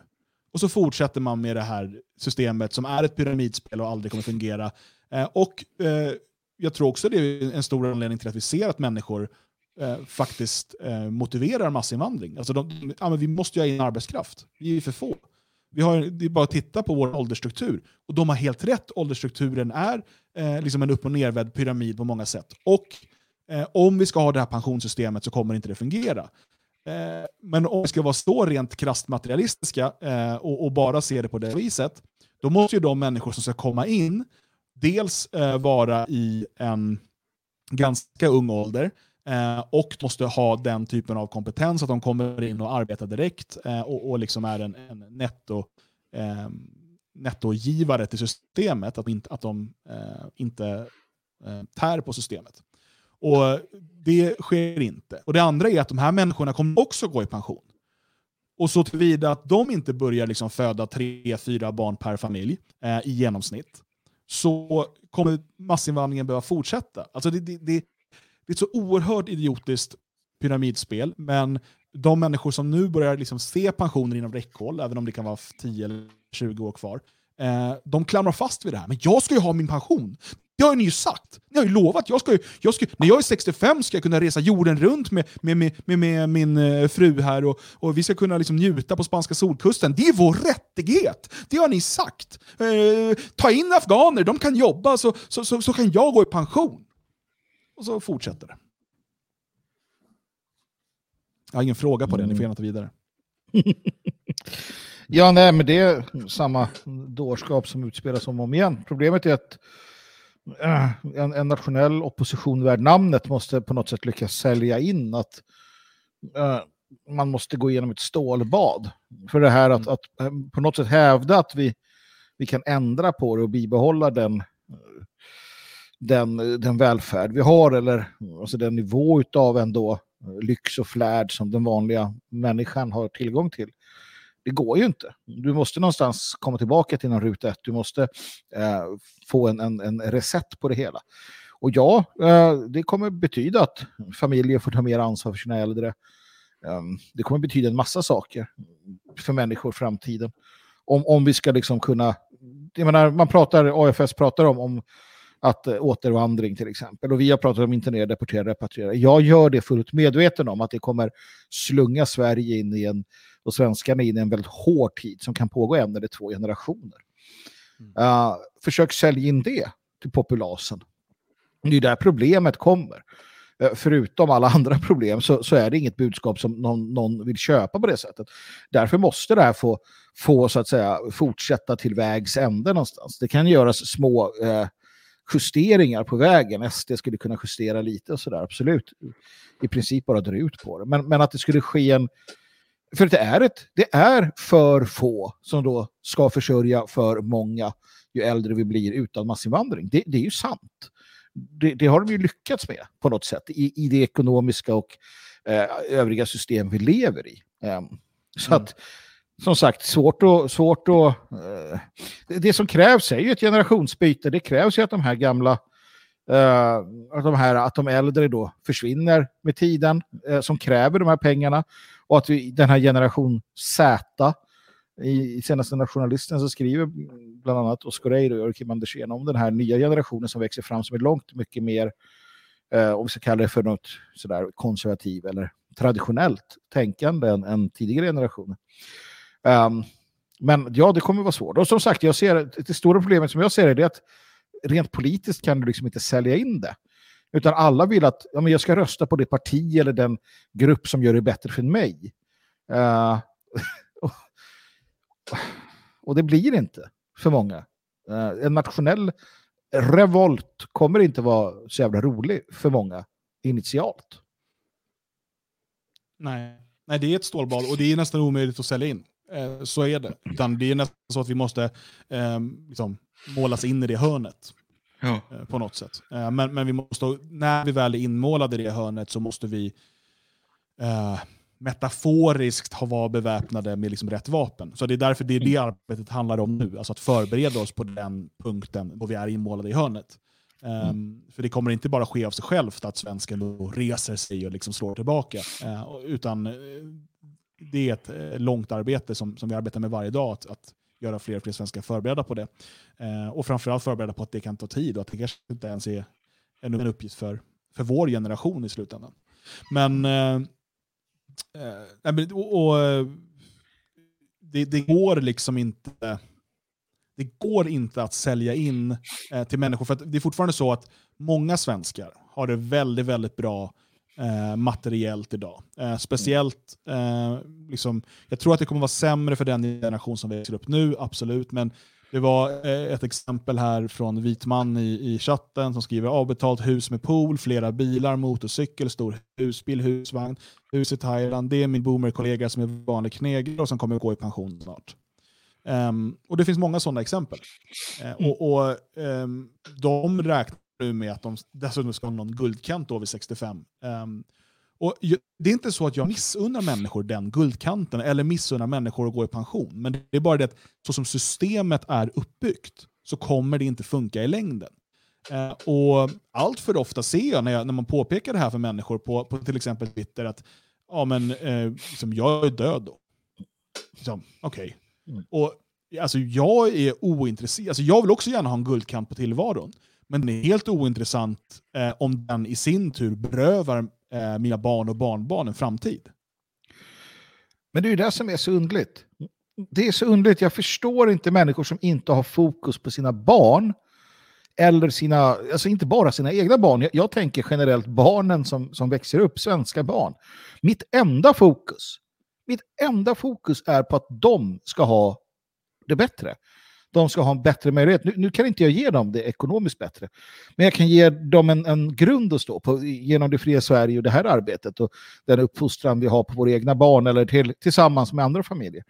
Men hela min, hela min värld kretsar kring att min son, mina barn, era barn ska ha det bättre. Det är det enda jag bryr mig om. Eh, alltså, guldkant, ja, alltså det är trevligt att, att, att kunna ha det bra naturligtvis. Men eh, jag håller med dig där. Alltså sanningen är ju den att vi är ju obetydliga och vi ser oss själva som obetydliga i det perspektivet. Utan det är våra barn och, och förhoppningsvis då deras barn. Och jag vet att tidigare generationer har ju tänkt likadant i allt väsentligt. Det är ju därför vi har den här konstanta strävan efter det mycket bättre, att, att efterlevnaden är bättre, att, att vad bra jag, upp, jag uppfinner vattentoaletten, för då slipper mina barn och barnbarn att gå på det här utedasset och så vidare. All strävan kommer ju från att du vill lämna efter dig något bättre, även om du själv kanske inte får njuta av det mer än, än några år i, i livets slutskede. Så att det är det man har tappat och det är ju en del av de här stora händelserna. Men om vi fortsätter att inte prioritera våra egna barn så kommer vi ju aldrig kunna efterlämna någonting bättre. Och skam över dem, människorna som, som säger precis som, som du, du berättade, Dan, människor som säger äh, jag bryr mig inte för då är jag död. De jävlarna borde ju då falla döda ner på en gång. För det är, det är ju bara parasitära organismer som bara vill, vill liksom leva gott på, på allas bekostnad. Inte bara, inte bara våra barn, på alla, alla kring sig. De skiter ju allt. Det är den värsta typen. Jag menar, du kan vara arg på invandrare, utlänningar och alla möjliga. Absolut. Men det här är ju de som är förrädare in i själen. Det är ju helvetets nionde krets eller vilken det är. Det är de värsta av de värsta alltså. Fy, fy på er. Mm. Björn, vill du tillägga något om det här eller ska vi gå till en paus?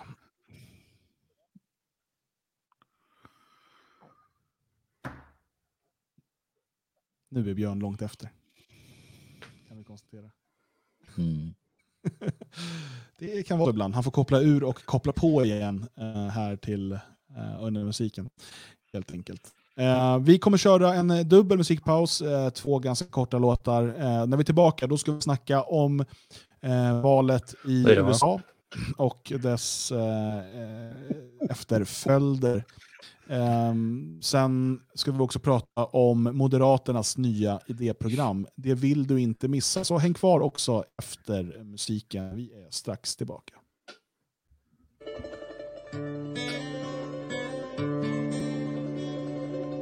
Snällhet är att låta sig bli slagen och aldrig slå igen.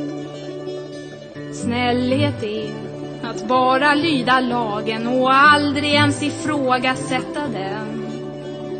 Snällhet är ett sätt att dölja att man inget har att säga som är värt att sägas klart. Snällhet är mer än man tänker på, att låta gå, att vägra att förstå. Snällhet är en form av likgiltighet, att vägra varann individualitet.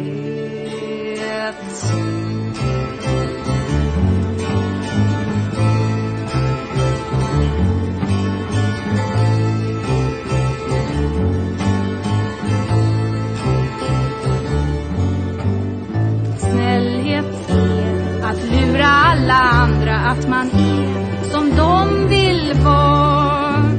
Snällhet är att noja ner varandra och till och med tro att det är bra. Snällhet är ett sätt att låsa folk i deras falska roller genom att vara tolerant.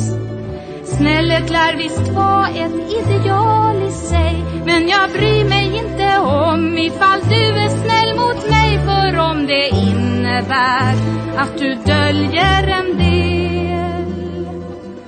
blir vår bild av varann. Aldrig någonsin riktigt hel. Den blir aldrig riktigt hel. Aldrig riktigt, riktigt hel.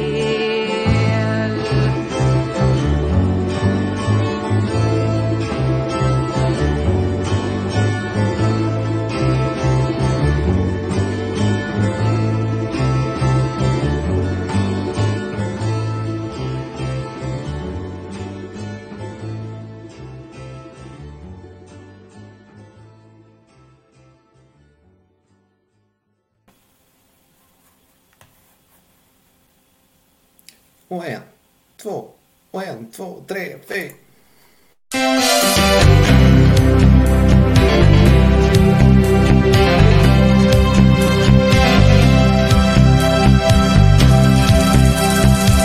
I had this crazy dream about some folks who love this country who all began to dream the same dream. And when the morning came, there arose across this nation people thinking one and the same. And they awoke to find their freedoms and all their liberties had gradually been taken away.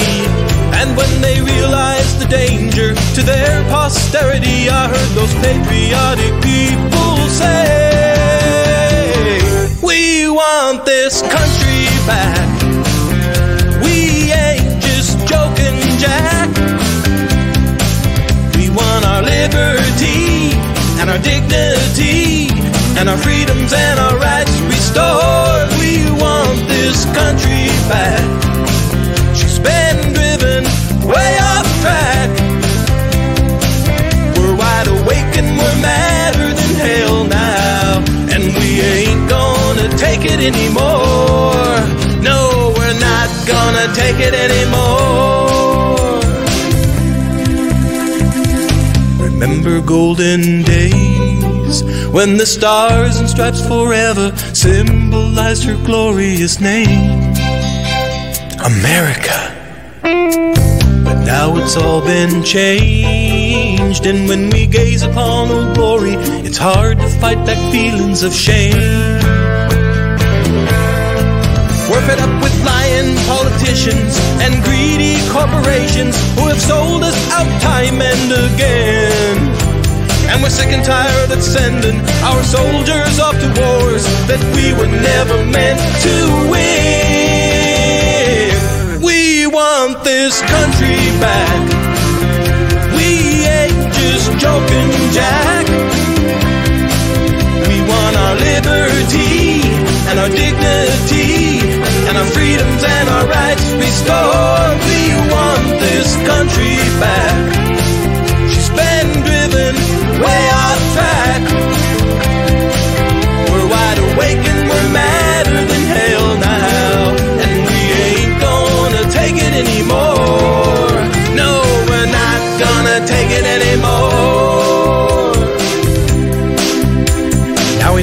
cause is right and our victory's on the way. And we won't give up the fight till we hear 200 million say, We want this country back. We ain't just joking, Jack. We want our liberty and our dignity and our freedoms and our rights restored. We want this country back. And we ain't taking any more back. We're wide awake and we're madder than hell now. And we ain't gonna take it anymore. No, we're not gonna take it anymore. That's right, we're not gonna take it anymore.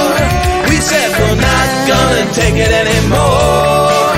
That's right, we're not gonna take it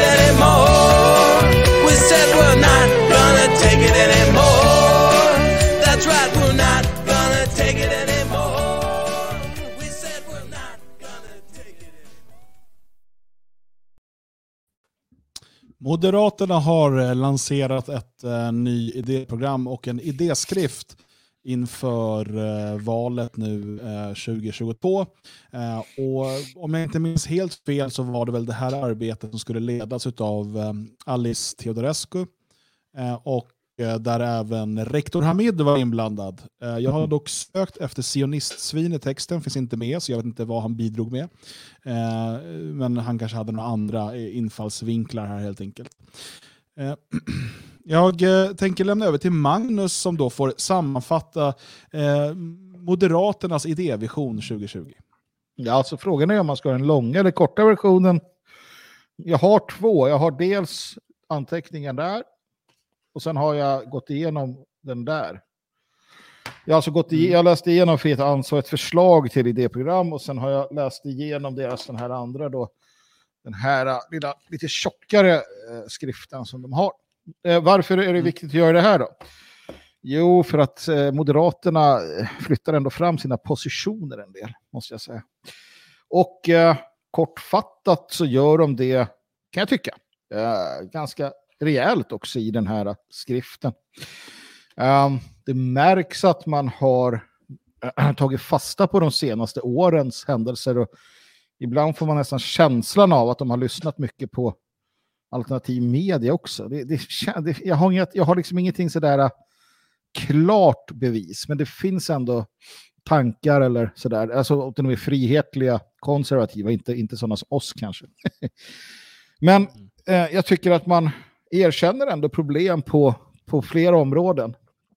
Eh, på många sätt eh, med, med massinvandringen och liknande. Eh, men man fortsätter att prata om samma problem, alltså samma lösningar. Återigen så är integrationen framför allt och, och så vidare. Men om man får börja någonstans så börjar vi i början. Och det intressanta i förordet här i skriften det är att man kängar ner. Man gör två saker. Man, man eh, lyfter fram någon, ett resonemang som öppnar upp för SD och man kängar C och L. Man skriver resultatinriktad politik kräver svåra kompromisser och att man kan arbeta med det stöd som finns. Och i stycket under, vi ser också hur partier och många politiker för en kamp mot väderkvarnar, sätter makten framför nödvändiga reformer eller säljer sin själ i förhandlingar med andra. Moderaterna får aldrig falla i någon av dessa fällor. Ganska hårda ord, säljer sin själ.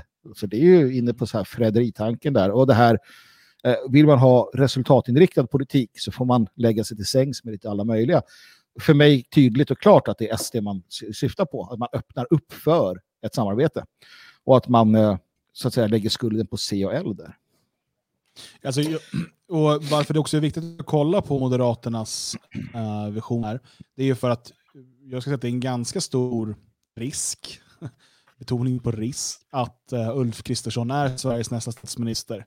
Uh, Moderaterna och KD i regering med stöd av Sverigedemokraterna. Jag tror att Liberalerna åker ur riksdagen uh, som det ser ut och kanske även Miljöpartiet, men åtminstone Liberalerna. Vilket gör att vi kan få en sån de kan få en sån eh, majoritet. Mm. Um, så att det är väldigt, väldigt viktigt att, att hålla koll på vad, eh, vad de vill. Och jag säger som, jag har inte läst den lika eh, noga som du, men jag har, jag har, skummat igenom och läst de stycken som jag tänkte skulle vara mest intressanta. Och det är helt klart så att man står och stampar på samma lösningar som alltid. Mm. För att när man väl, alltså, och nu tänker jag framför allt, för det jag tycker det mest intressant här det är när det handlar om liksom, migrationsfrågan. Allt annat är ganska ointressant. Ja, vi vet att liksom, Moderaterna är, är liksom, positiva till NATO och EU och sådär. Det vet mm -hmm. vi. Det intressanta här är väl egentligen migrationsfrågan, yttrandefrihetsfrågor och så vidare. Alltså en, ja, eh, absolut. En ja. sak som jag, jag måste säga där, i det hela, alltså ganska direkt så, så, sätter man också ner foten. Och det är det här jag menar, att man krattar manegen. Man krattar manegen för att öppna upp för SD. Uh, men man krattar också manegen för att uh, gå ut i strid mot islamism och identitetspolitik vid flera tillfällen. Så nämner man dem här vid namn. Och det är det som är det viktiga. Identitetspolitik som vi vet är ren vänsterpolitik. Den här, den här ja, typen vänta av... nu. När de pratar om identitetspolitik, då menar de Mm. också oss. Det ska du ha klart för dig. Ja, ja absolut, absolut. Eh, Men jag tror att det är de mer, alltså orsaken till, alltså så här, varför tar man upp det här om och om igen? Varför, varför läser vi det i olika stycken hur viktigt det är och de nämner det gärna tillsammans med islamism? Jo, för att de vet att det här är ord som SD-väljare eller andra kan attraheras av. När de ser att aha, stora kolossen Moderaterna, de, de resonerar så här och så här, eh, de tar eh, liksom någon form av ansvar, de säger att vi har misslyckats, bla bla bla. Och att de går emot islamismen, de ska gå emot identitetspolitiken. Vanliga väljaren ser ju då att de går emot Fi, de går emot de här galna feministerna. Fan vad bra! Moderaterna, det är fina grejer det. Mm. Jo, jag tog ut ett stycke där ehm, för oss alla, ehm, som, är, som är precis från början av idéprogrammet. Um, mer eller mindre i introduktionen, eh, när de pratar om tolerans.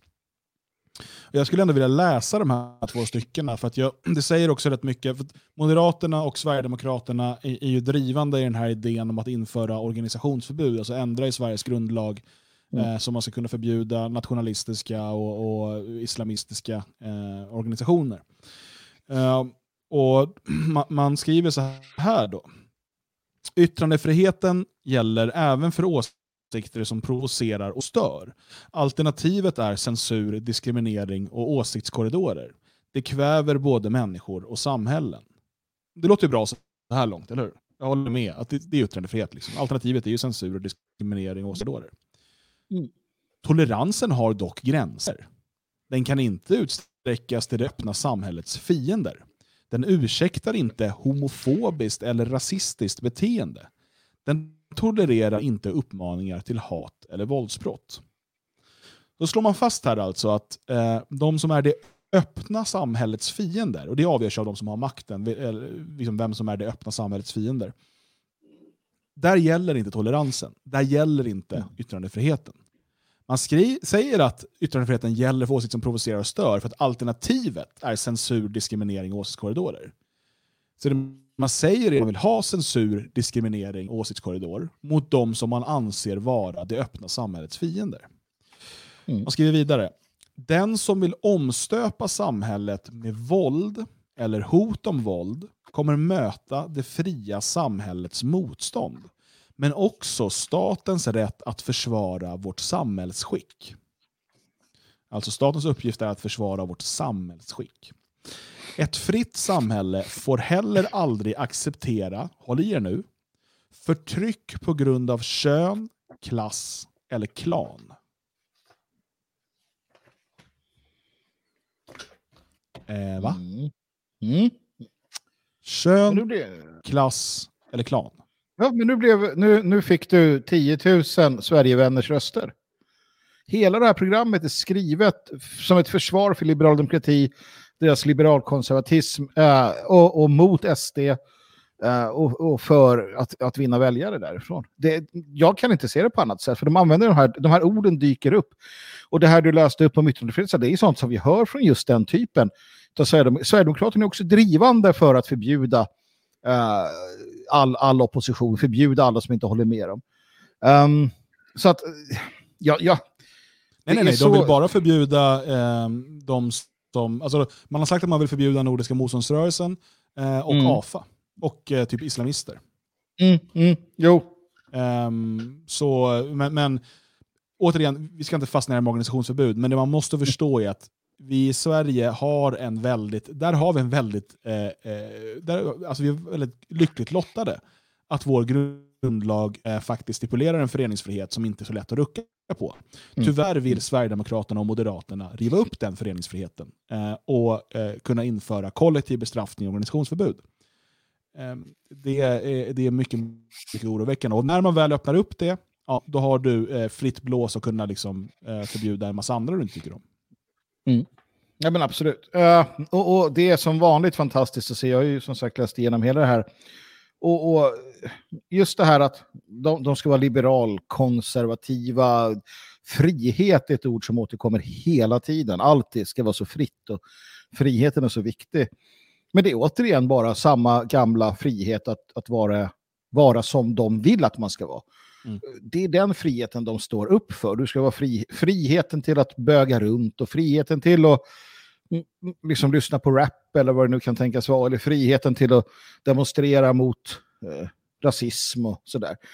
Eh, men, men någon faktisk frihet, faktum är att de, de står ju inte för det.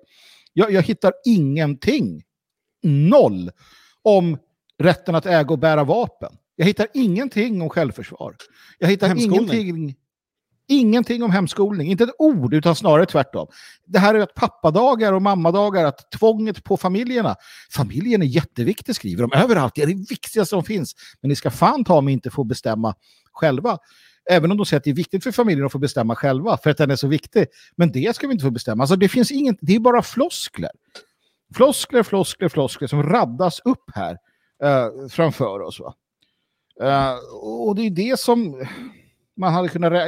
Jag vet inte om jag trodde något annat, det gjorde jag väl inte, men ändå. Och alla de här som har liksom nästan som har blivit knäsvaga när de har sett Teodorescu. Och så här, åh, hon äntligen, hon och Ivar Arpi och åh, hela det här gänget, åh, de är som vi, nästan snart på väg dit. Nej, det är det här de är. Dynga är vad de är. Ja, och eh, om man då läser under migration eh, så blir det ju också tydligt vad man vill och som sagt att man står och stampar i, i liksom gamla fotspår. Mm. Eh, Visst, man säger att det finns problem, det är problem med integrationen, bla bla bla. Det har ju liksom folk sagt i 40 år, det är inte så spännande. Man konstaterar också att det var inga problem med det här eh, under 50-60-talet. Um, ehm, och eh, Dessutom var det så att det var alltså bland utlandsfödda så var arbetslösheten lägre än bland inlandsfödda under den här tiden. Ja, men det fanns ju bara arbetskraftsinvandring. Det är så ja. himla dumt. Det är ju det som är hela poängen. Det var arbetskraftsinvandring i stort sett bara från Europa. Ja.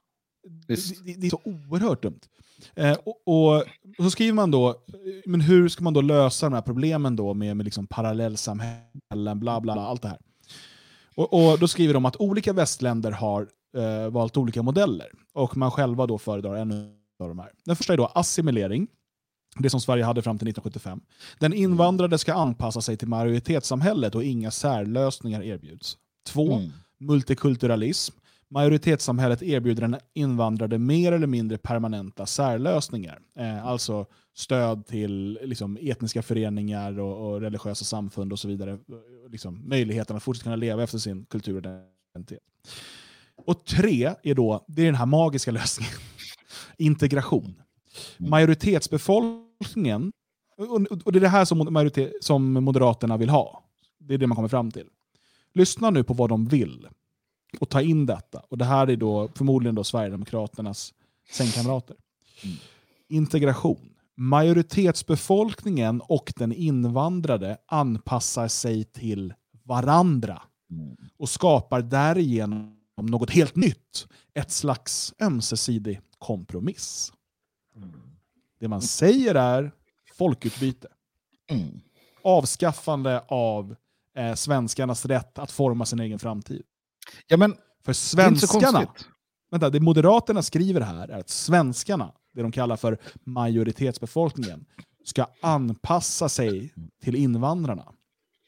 Och invandrarna ska anpassa sig till svenskarna. Men det, mm. jag skiter i vad de säger om invandrarna. Vad de säger att vi svenskar ska göra i deras samhälle är att anpassa oss efter invandrarna. Och vi ska skapa någonting nytt. Mm. Ligger jag efter Ny nu, identitet. Är jag med jag vet inte. i samtalet? Jo, men jag är nog med. Ja, du är med. Gött. Uh, jo, nej, men då, då är det, ju, det är ju det vi pratade om förra veckan, fast då var det ju kommunister som sa det. Uh, man, man, ska skapa den nya gemenskapen, det nya supersamhället med nya människor, nya svenskar. Uh, svenskheten ska inte definieras av ursprung utan av eh, arbetsamhet och den eh, lyckliga känslan av att eh, tjäna eh, makten. Eh, det är precis samma resonemang och det, det, det, det är så jävla dumt. Och sen bara att man delar upp eh, integration och multikulturalism är också dumt för att det, det, det är samma sak. Det, det, är intressant här då att se hur man gör det här, just som du var inne på där Björn, vänstern hade sin idé bakom detta. Sin, och vi får ju ofta frågan, hur, hur kommer det sig att eh, höger och vänster båda vill den här massinvandringen? Ja, Den där Allard förklarade ju vad vänstern ser. Uh, och jag har här hur, hur Moderaterna, då, den förmenta högern, ser på det. De skriver att identitetspolitikens kollektivism strider mot grundläggande värden i vårt samhälle och fråntar människor deras individualitet och i slutändan deras frihet och ansvar. Det vill säga, för att, få ha, för att kunna uppnå den frihet de är ute efter så måste alla människor bara blandas hejvilt utan några tankar på stam eller ett eller eh, kultur eller tradition, även om de säger att det finns en sån, så är den helt oväsentlig.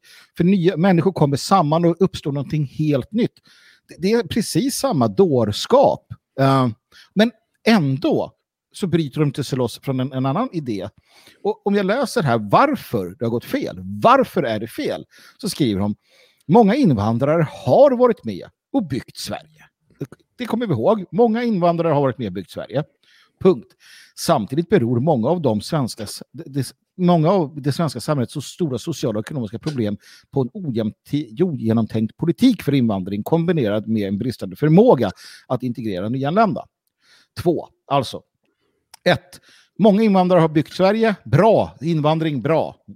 Problemen beror på vår ovilja, vår oförmåga att integrera. Det vill säga att den svenska politiken som är ett uttryck för svenskarnas val har sett till att det har gått åt helvete. Moderaterna köper helt och hållet bilden av att många invandrare har kommit hit och jobbar, de gör det jättebra, men problemet är att svenskar har varit så jävla dåliga på att ge integration, att det här måste skärpas. Och, och, och där är vi ju då. Invandrarna, utlänningarna är helt utan skuld och skam. De har inte gjort något fel. De har kommit hit, många av dem har gjort jävligt bra saker. De som inte har lyckats med det, det är på grund av, av dålig politik. Och, och i grund och botten, Svensson, dig och mig. Ja, det är intressant det du säger Björn, hur lika de faktiskt är. Alltså, att, att högern och vänstern, eh, kommunister och, och liberaler eh, har ju egentligen, alltså, de är överens om att massinvandringen ska fortsätta. Eh, de är överens om att det som behövs är att skapa en ny identitet ehm, så att man alla kan bli en del av produktionen. Ehm, och, och sen så, alltså, slutpoängen för, för alla är eh, svenskarnas, det svenska folkets eh, utrotande, för det är det som, som sker i, i längden. Och det man skriver då, för att jag hamnar alltid med den här käpphästen om gemenskapen.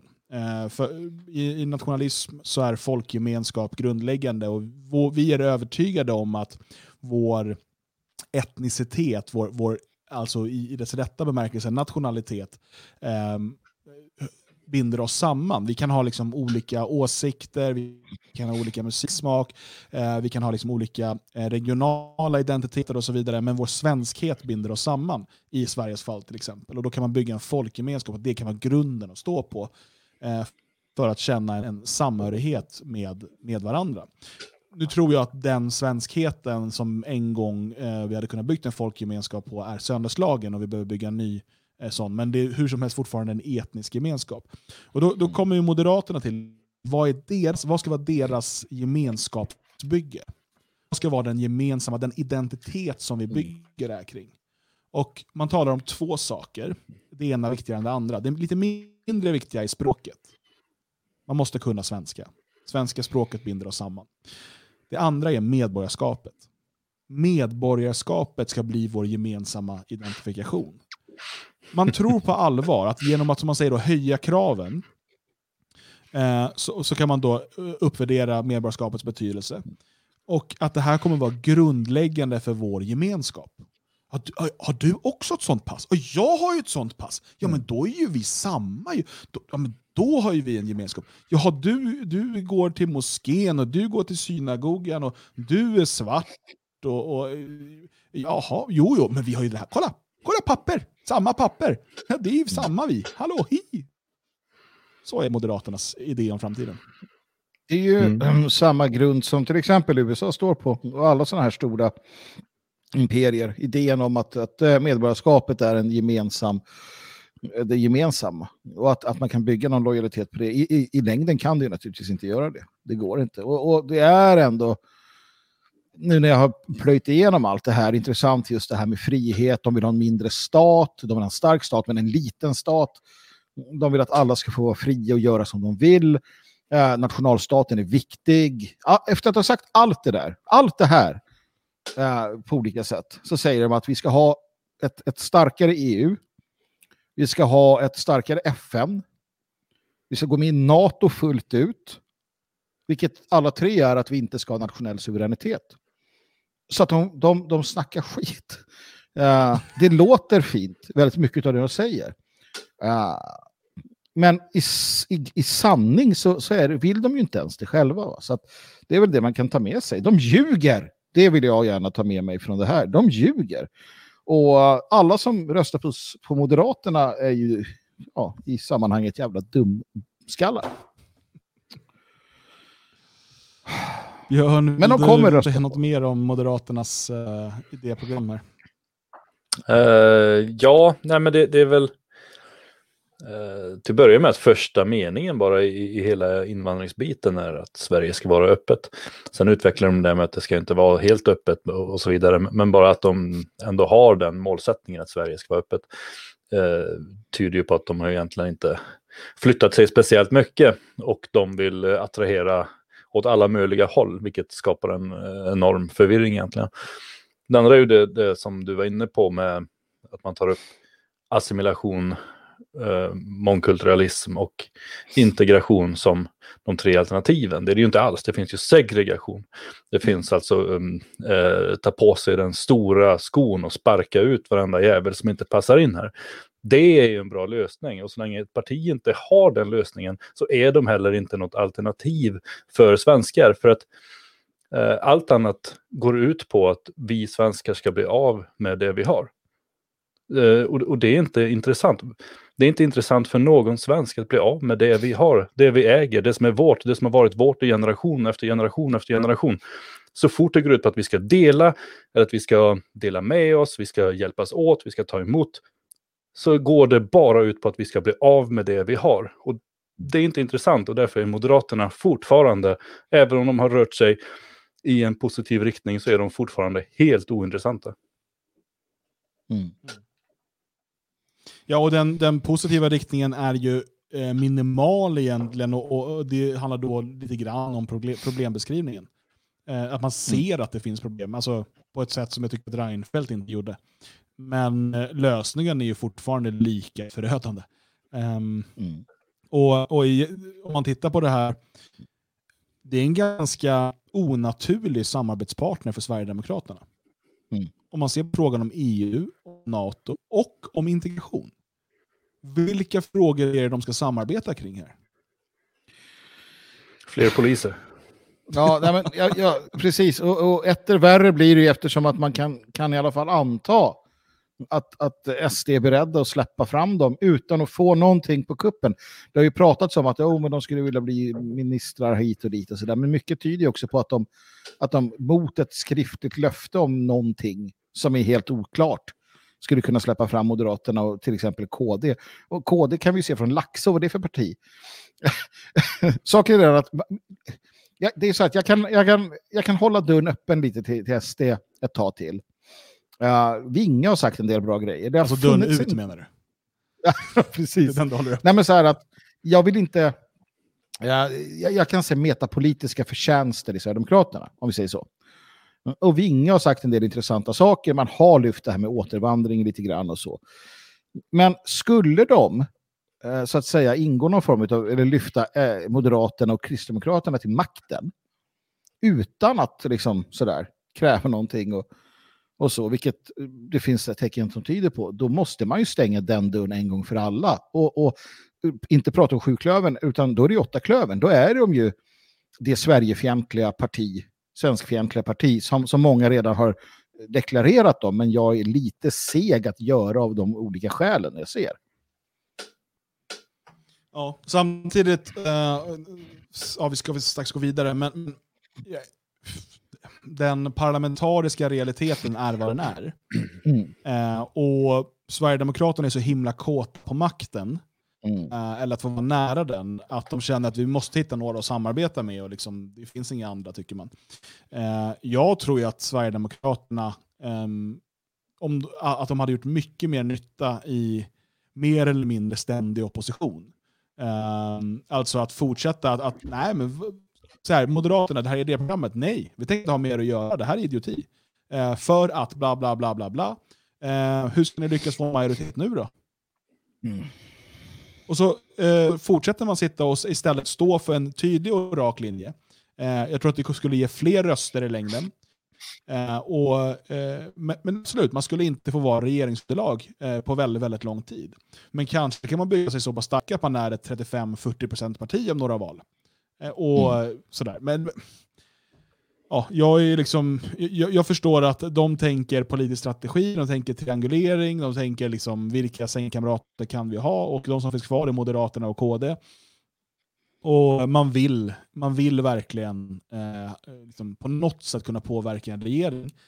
Um, och, och, och, det är väl rimligt, men jag tror att man, kan, man skulle haft större påverkan på politiken på längre sikt eh, om man bara fokuserade, även alltså i parlamentet, bara fokuserade på det metapolitiska. Genom att vara en tydlig och rakryggad opposition som inte eh, tänker eh, ge makt åt några som vill att svenskarna ska anpassa sig till invandrarna. Men de har spelat spelet ganska bra hittills, uh, får vi säga. Och, och någonstans så känns det återigen som att en sån som Winge eller andra kanske vill ha en liten annan ton.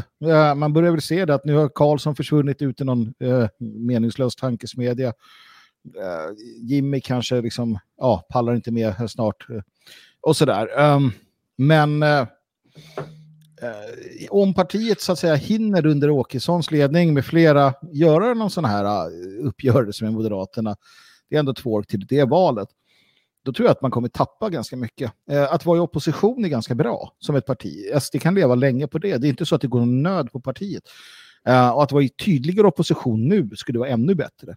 Så fort de släpps in. Alltså återigen, det bästa man kan göra det bästa moderatledaren kan göra det är att ge, ge SD en massa ministerposter Låt dem sitta där och misslyckas fullständigt. Eh, och så liksom svika sina väljare och, och så vidare så att de helt tappar förtroendet. Eh, då, då har man liksom, ja, det, titta på FPÖ och, och Österrike delvis. Mm. Ja, eh, Magnus Sverker mm. Olofsson, Söderman. Nu har vi konsumentupplyst här om eh, visionsprogrammet här från eh, från Moderaterna. Så vad gör vi med det nu när vi är klara med det? Uh, ja, alltså jag tänker att vi gör uh, så här då. då att vi, vi har då här.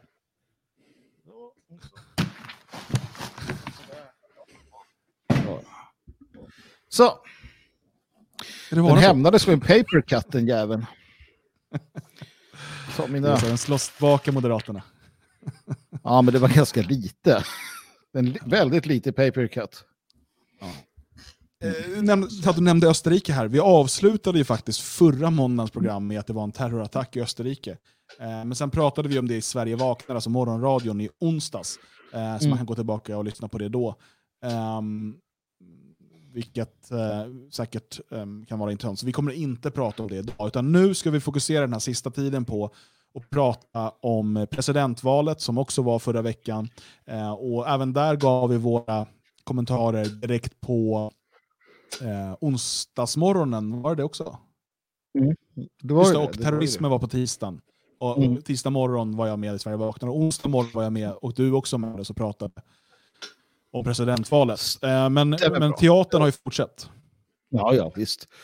Uh, det har den ju utan, utan tvekan gjort. Uh, jag vet inte var man ska börja någonstans. Eh, jag, jag, känner väl att man kanske ska titta på, bara lägga liksom, det, det är ju en massa missförstånd nu. Eh, och jag tycker att man ska kanske vara tydlig med det. Uh, nej, Joe Biden har inte vunnit valet. Nej, Joe Biden är inte president-elect. Uh, nej, det är inte så.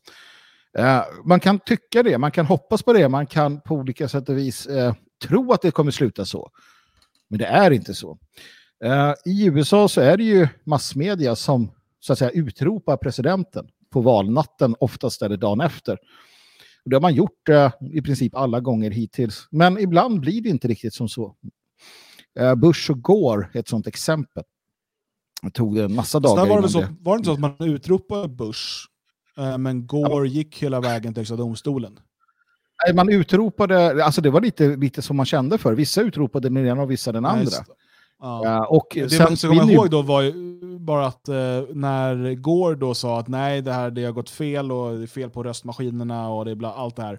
eh, och jag tänker inte godkänna liksom, det här valresultatet. eh, så var det inte eh, det här om att han var demokratins fiende och så som stod i media som det står om Trump nu. Nej. Nej, men precis. Det slutar ju, den gången slutar i alla fall med eh, att det är då, då domstolarna som avgör att det är Bush, George Bush som vinner. Eh, så att det har hänt. Och, och det är väl ingen som egentligen vill ha det så, men, men rätt ska ju ändå vara rätt någonstans. Så att det man gör nu, eh, och det, det är ju, jag tycker det är sorgligt att man, att man utropar Biden som vinnare när han de facto inte är vinnare. Och för att bli ännu tydligare på detta så, så kan vi konstatera att han är inte vinnare förrän elektorskollegiet lägger sina röster och det gör de den 14 december i år. Den 14 december så kommer elektorerna det är först då man rösta. blir president-elect. Precis, det är då man blir det. Så att innan dess så är allting, det här att, att Netanyahu och, och, och Orban och en massa världsledare ringer till Biden och gratulerar honom och skriver på Twitter och sådär. Det är ju ren dårskap. Ehm, naturligtvis. Jag menar, låt oss nu bara spekulera. Samtidigt, Låt oss... samt, ja, visst. visst kan man säga att det är en dårskap. Samtidigt så är det ju väldigt mycket som tyder på att Biden kommer vinna. Ehm, och eh, har ju massmedierna be- bestämt. Och jag tänker att vi kanske kommer till det direkt nu. Eh, för ja, det enda sättet som Biden inte kommer vinna, det är ju om det uppdagas en himla massa röstfusk som kan bevisas och godkännas av eh, högsta domstolen eller vilka det nu än är. Mm. Visst, man ska ha en omräkning i, var det Georgia tror jag, Ehm, och så, och det kan finnas fler delstater. Det ska vara, det gör man väl, det kan man alltid få när det är mindre än en procents, procentenhets skillnad. Va? Precis. vissa, delstater, vissa delstater har 0,5. Det, är också, det ska man också ha koll på att de olika delstaterna har ju olika regler för hur man röstar och liksom olika Mm. lagar för vad som gäller. Ehm, och därför fungerar det lite olika. Men om vi kommer till det här med valfusket då, då kan vi bara börja med att konstatera är att det sker alltid valfusk. Alltså, Mm. I USA och i Sverige. Eh, frågan Mm. är i vilken omfattning och hur, hur organiserat. Eh, Mm. och eh, själv så tycker jag ju om att se världen brinna eh, och eldar gärna på liksom, allt förakt som finns mot eh, den liberala demokratin och det amerikanska imperiet och sådär. Jag gjorde dock ett misstag i, i min glädje i min glädje att svärden brinna eh, och delade en bild på eh, där man kunde se hur det på ena sidan var då ja, det var typ 200 000 röster fler på Biden plötsligt. Eh, och, och den där var lite oärlig den bilden, för det, egentligen var det den med färre röster som var senare. Det var Mm. när den var korrigerad, för de hade gjort fel, de hade någon nolla för mycket, vad det nu var. Ja, Eh, skrivfel. så jag gick på den och liksom spred vidare. Men eh, eh, vi kan bara eh, konstatera att det sker alltid liksom, valfusk. Eh, det finns alltid människor som... I Sverige kan det vara att de slänger valsedlar eller liksom, man kanske, någon man inte räknar eller man räknar massa som ogiltiga när de inte borde vara det och sådär. Och, och i USA finns det andra metoder.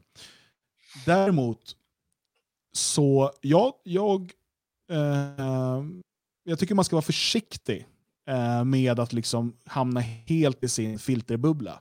Eh, och tro att det är, liksom, "Ja, men kolla här är någon, liksom, någon skakig film på någon som gör någonting. Det här är ett bevis på att aldrig fusk egentligen vann Trump. Eh, för att jag, jag ser det lite grann som samma problem som innan valet. Jag eh, pratade med en, en vän här i Tyskland som hade pratat med en vän i USA som sa här, men Trump kommer vinna. Var jag än går så ser jag bara Trump-skyltar. Och han blir ju ett sånt område. Samtidigt lyssnar jag på liksom, eh, liberala töntar som Filip och Fredrik. Där eh, Filip som då bor i, någonstans i Los Angeles, han känner, det finns bara Biden-supportrar där. Och går man bara i sin lilla verklighet så är man ju helt säker på att amen, hur kunde, det fanns ju bara Trump-skyltar här. Hur kunde inte Trump vinna? Precis som att det fanns många eh, som var helt säkra på att den enda anledningen till att Alternativ för Sverige inte fick fler röster, det måste ha varit valfusk. Eh, när valfusk är en väldigt, väldigt, väldigt liten del av den förklaringen. Eh, och eh, vi skulle kunna välja här, eller jag skulle kunna välja, ni har inte fått prata än, som vanligt. Eh, jag skulle kunna välja här att bara elda på det. Ja, men det är klart det är valfusk, och köra Alex Jones och bara "Rah, rah, rah, rah, rah, rah, rah, turn the frogs gay. Och, och, och eh, spinna på det och det, är liksom, det kan säkert ha någon kortsiktig eh, liksom metapolitisk effekt. Eh, men eh, jag är också övertygad om att eh, fler människor än någonsin gick och röstade för att det var eh, så oerhört polariserat. Eh, mycket på grund av medias hets. Eh, fler som gick och röstade på Trump förra gången och fler som gick och röstade på Biden än som någonsin har röstat på någon demokrat tidigare. Ehm, och eh, det, det, är en del. Det andra är att Trump faktiskt har svikit en viktig eh, kärnväljargrupp, nämligen vita män, vita arbetarklassmän som eh, har eh, blivit besvikna på Trump. Alltså procentuellt så minskar Trump hos eh, vita män. Eh, I den antal ökar han, ja, men det ökar än mer bland eh, demokraterna. Och eh, om man tittar på Trumps eh, uttalanden, och speciellt här under valkampanjerna, så pratar han om hur mycket han har gjort för svarta, hur mycket han har gjort för latinos och hur mycket han ska göra för dem.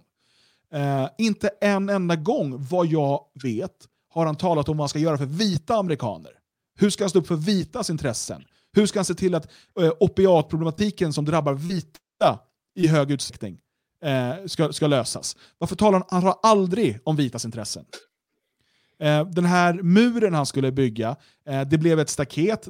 Den är långt ifrån färdigbyggd. Eh, de allra flesta som har byggts är där redan fanns eh, staket eh, som man då har eh, förbättrat högre. Det är fortfarande så att det här staketet det går smugglade smuggla droger genom det är hål, liksom. det, det är ett staket. Genom att trycka igenom, du kan klättra över det. Eh, det är byggt på dåligt sätt så det liksom faller sönder. Eh, den som är gladast av det här det är eh, den, den, judiska superskurken Roman Abramovic som fick sälja stålet eh, istället för en amerikan.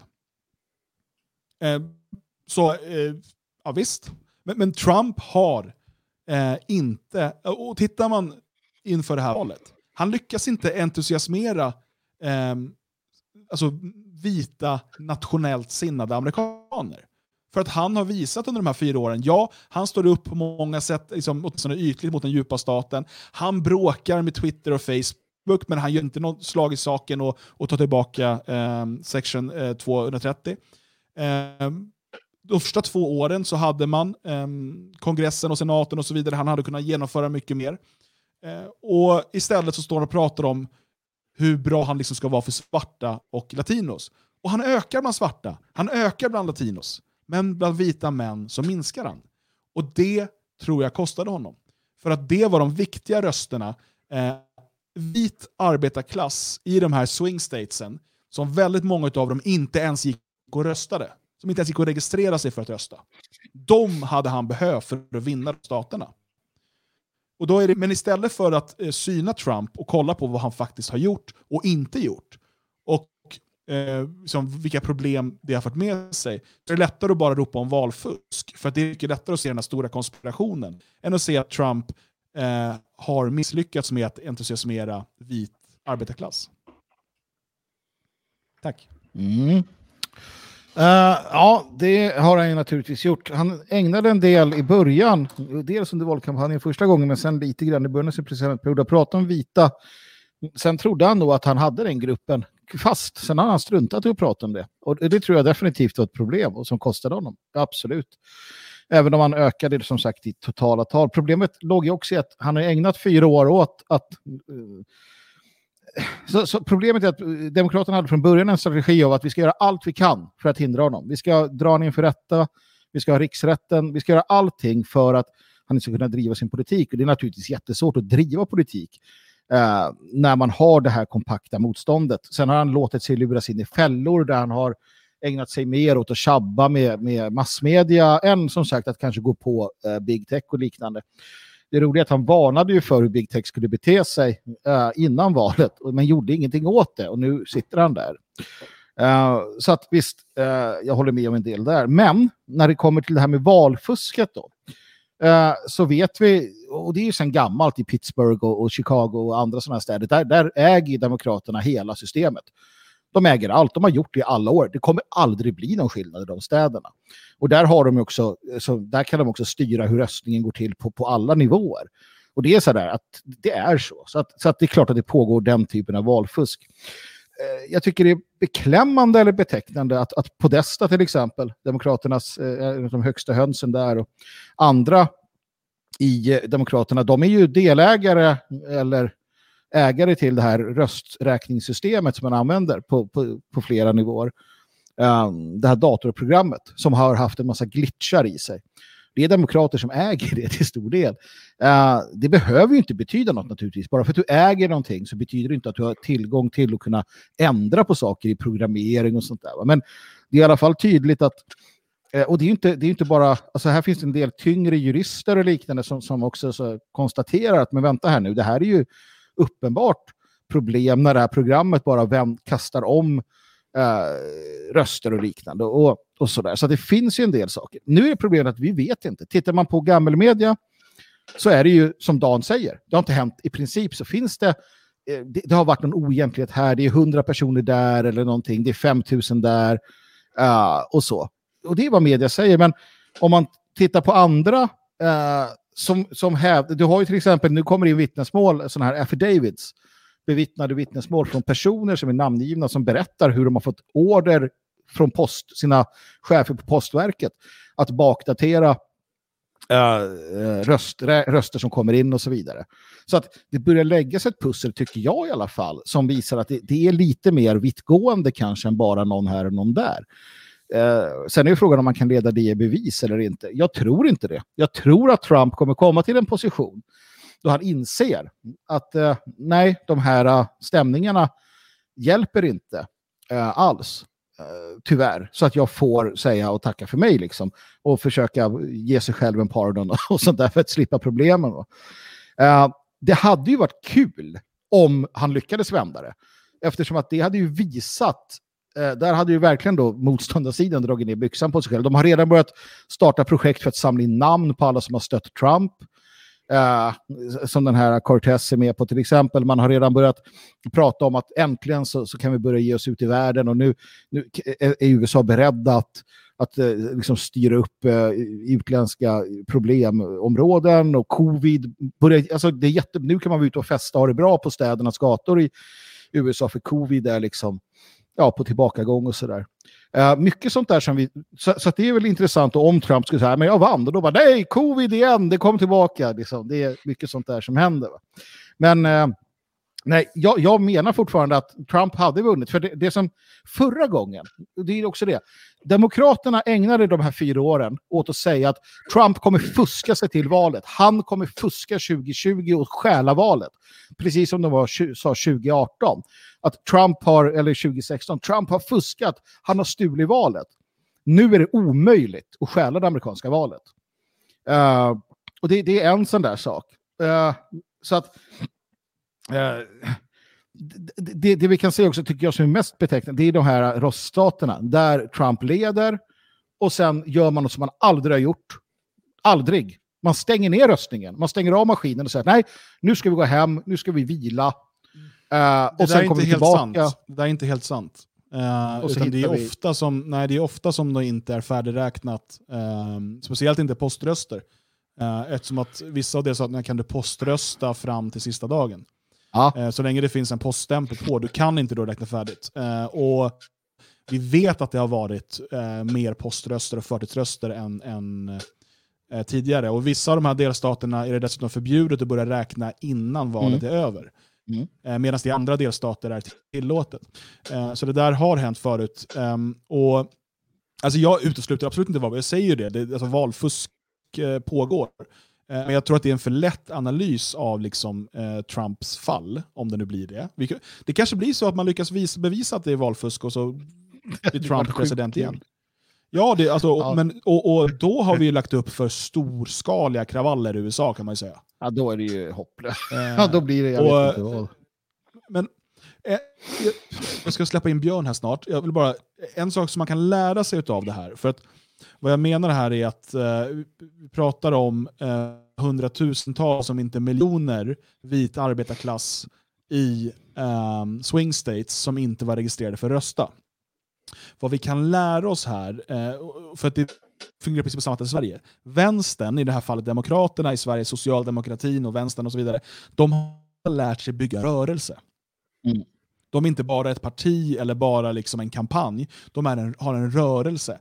De åker ut i eh, områden och liksom, eh, mer eller mindre lurar svarta att rösta. De har, kör den här eh, ehm, eh, ballot harvesting och så vidare, alltså som är lagligt i vissa delstater. Eh, och liksom hjälper folk att rösta, ser till att människor i ehm, de här eh, svarta områdena som har väldigt lågt röstdeltagande, att de registrerar sig och att de röstar, för det är så de får upp sitt röstantal. Eh, politiskt ointresserade människor, men de har en rörelse som ligger bakom det. De kan locka med fika och bullar och, och food stamps och allt möjligt. Eh, Republikanerna har inte, och i Sverige då högern eller nationella, eh, har inte eh, byggt rörelse på det sättet och har inte den maskinen. Sossarna och vänstern i Sverige har den maskinen. Och de sätter igång den inför ett val. De har liksom, sossarna är ju liksom typ djupa staten i Sverige och i föreningslivet och alltihopa. Eh, och sätter igång allt det här. Vi vet hur Mona Sahlin hade röstskola i, var det Rinkeby?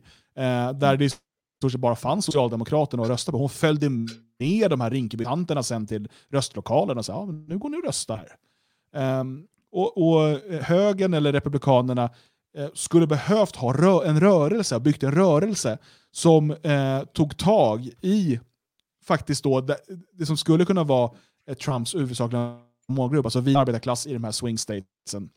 Eh, mm. Förklarat för dem att Istället för att säga att han ska lägga vad det var, 500 miljarder på eh, svarta och lyfta dem, bla bla bla. Ja, men vad, hur ska han lyfta de här vita här? Hur, och han har ju liksom sakerna, så här, ja, men vi ska behålla oljeindustrin och kol och bla, bla bla, allt det här. Vi ska se till att det fortsätter så det finns jobb i de här områdena.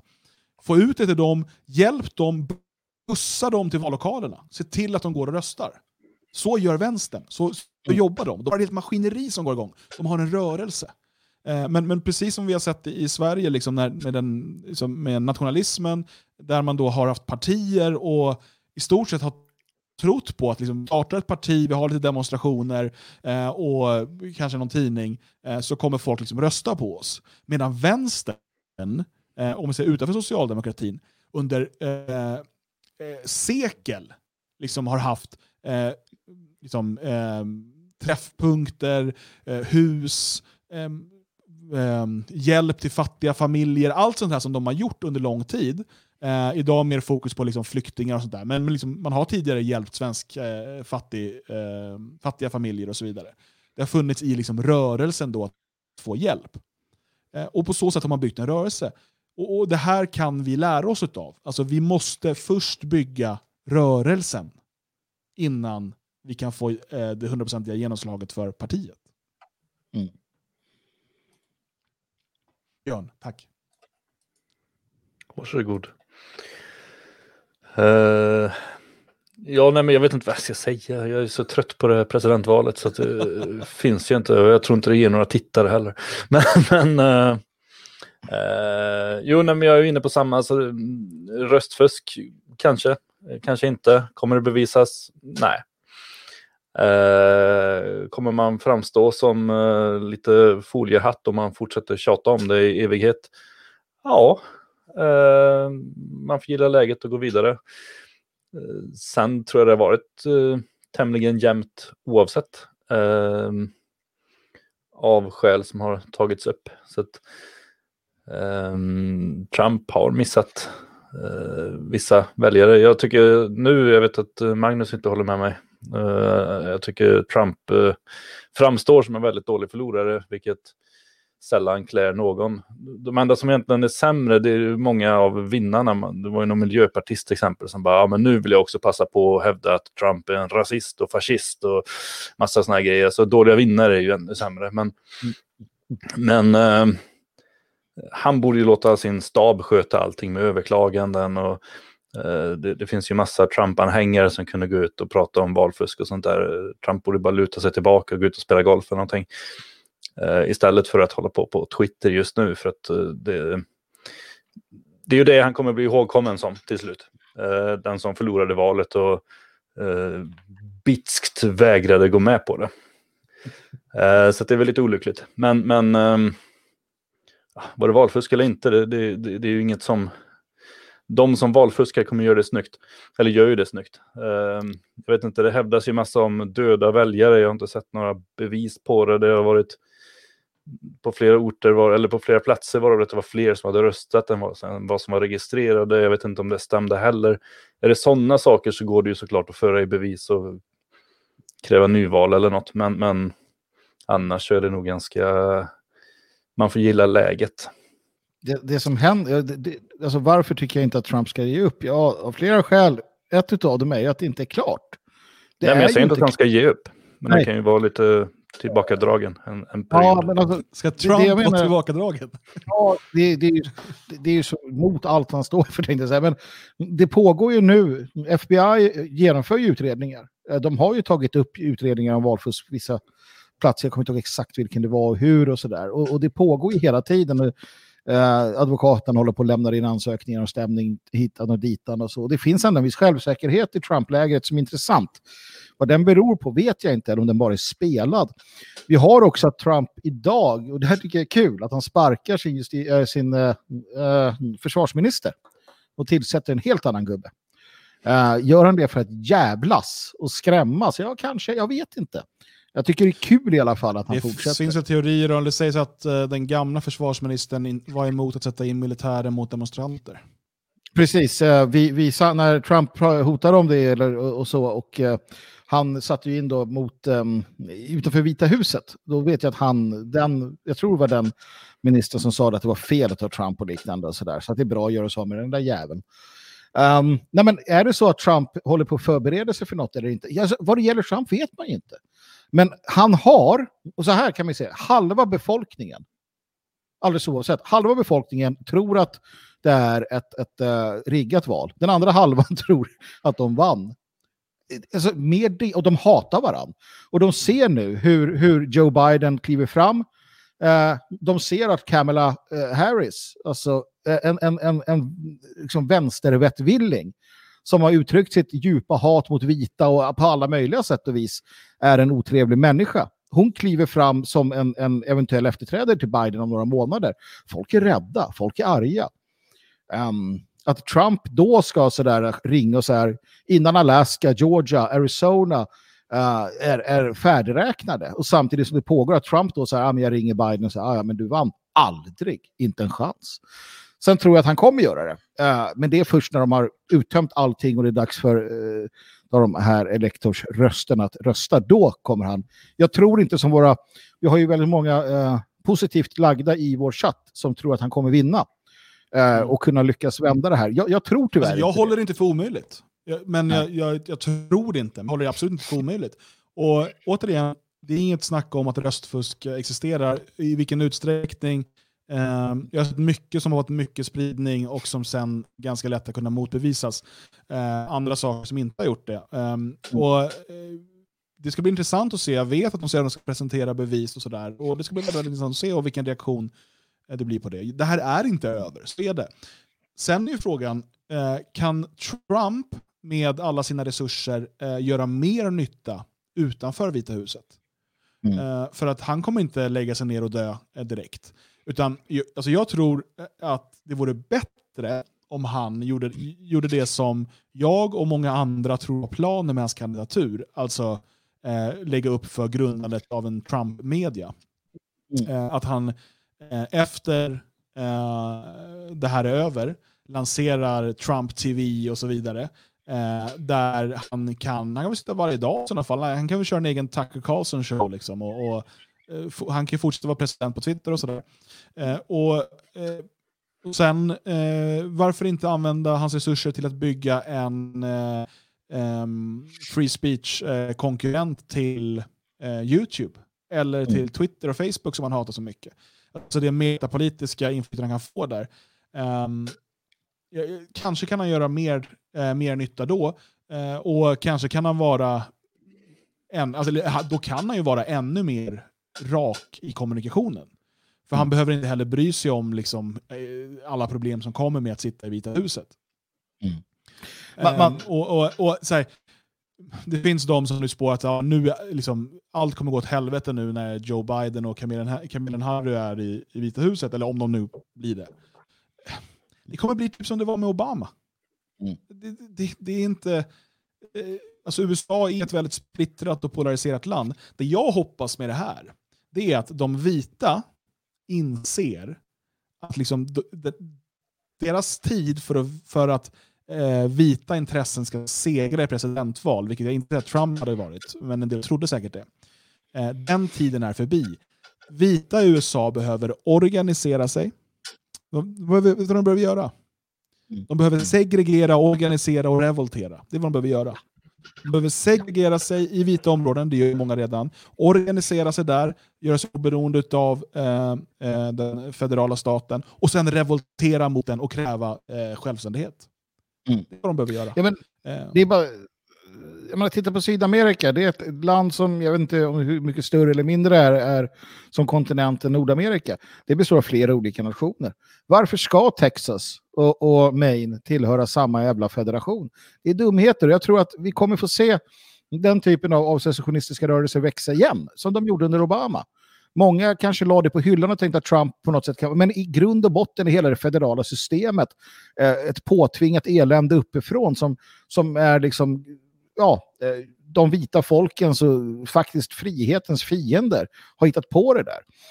Det bästa för hela nationen är ju naturligtvis om det splittras upp och, och att det blir de här mindre staterna. Eh, samma väg borde Ryssland gå. Många andra sådana här imperier, de ska falla allihopa. Alla imperier borde falla. Det är det bästa. Jag tror ju att en vinst för um, den onda sidan, som, som den Trump-fanatiker jag ju är och alltid har varit, Uh, nej, men uh, jag tror att Demokraternas vinst kan ge den svenska vänstern och svenska liberalerna ett uh, oförskämt gott självförtroende. Vilket jag tror är ganska bra därför att de kommer inbilla sig att de har ett enormt stöd som inte finns. Och de kommer återigen gå in i gamla fotspår där de tror att de kan trampa på alla och gör, bete, bete sig som de kunde förr i tiden.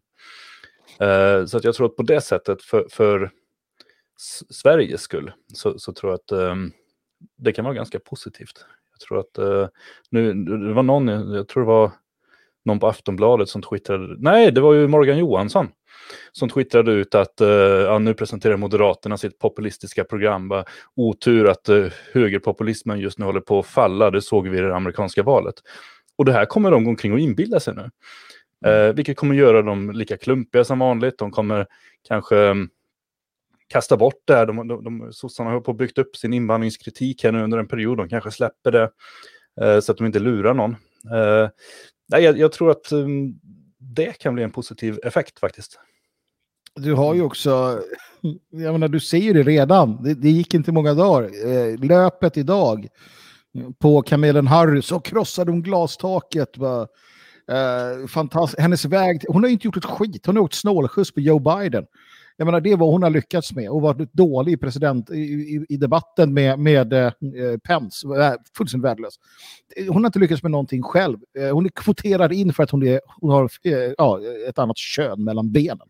Det är det enda som är hennes kvalifikation. Men och sen ser man de här gråtmilda, det, det blev ju nästan lika gråtmilt som det blev när, när, när eh, Trump vann, som när han nu då förment förlorade. De grinar lika mycket, fast nu är det helt annat sånt där jävla känslomässigt dravel. Uh, och, och, det är sådär, nu, nu kan vi andas fri luft igen. Nu kan vi äntligen uh, gå... Barn, mitt, mitt, mitt barn på tre år sa pappa, pappa, äntligen slipper jag en rasistisk president i Vita huset. Nu kommer Joe Biden se till att, att jag kan vara en stolt svart... Alltså sånt där skit hela tiden. Och de stora nyheterna, Fox avslöjade sig ju. De avslöjade sig direkt att, att de, de är uh, lika så vänsterliberala som alla andra och så. Så att... Eh, Nej, det är, I Sverige är alla, alla är glada. Till och med Jimmy Åkesson är ju glad att det var Joe Biden. Det var ju hans kille, hans kandidat. Han sa det själv, jag hade velat se en republikansk president men inte Trump. Så det här är bra. Alla bara visar det. Jag tror det var Karlsson, eller sa Åkesson sagt det också? Nej, det kanske var Karlsson. Uh, det är samma. samma Ja, nej, vet, jo, men, nej, men det är ju ändå underbart att demokratin är räddad nu. Nu är ju demokratin ja. räddad både i USA och resten av världen. Nu gäller det bara att USA bombar Polen och Ungern så är alla lyckliga. Precis, det är dags för det. Ja, herregud.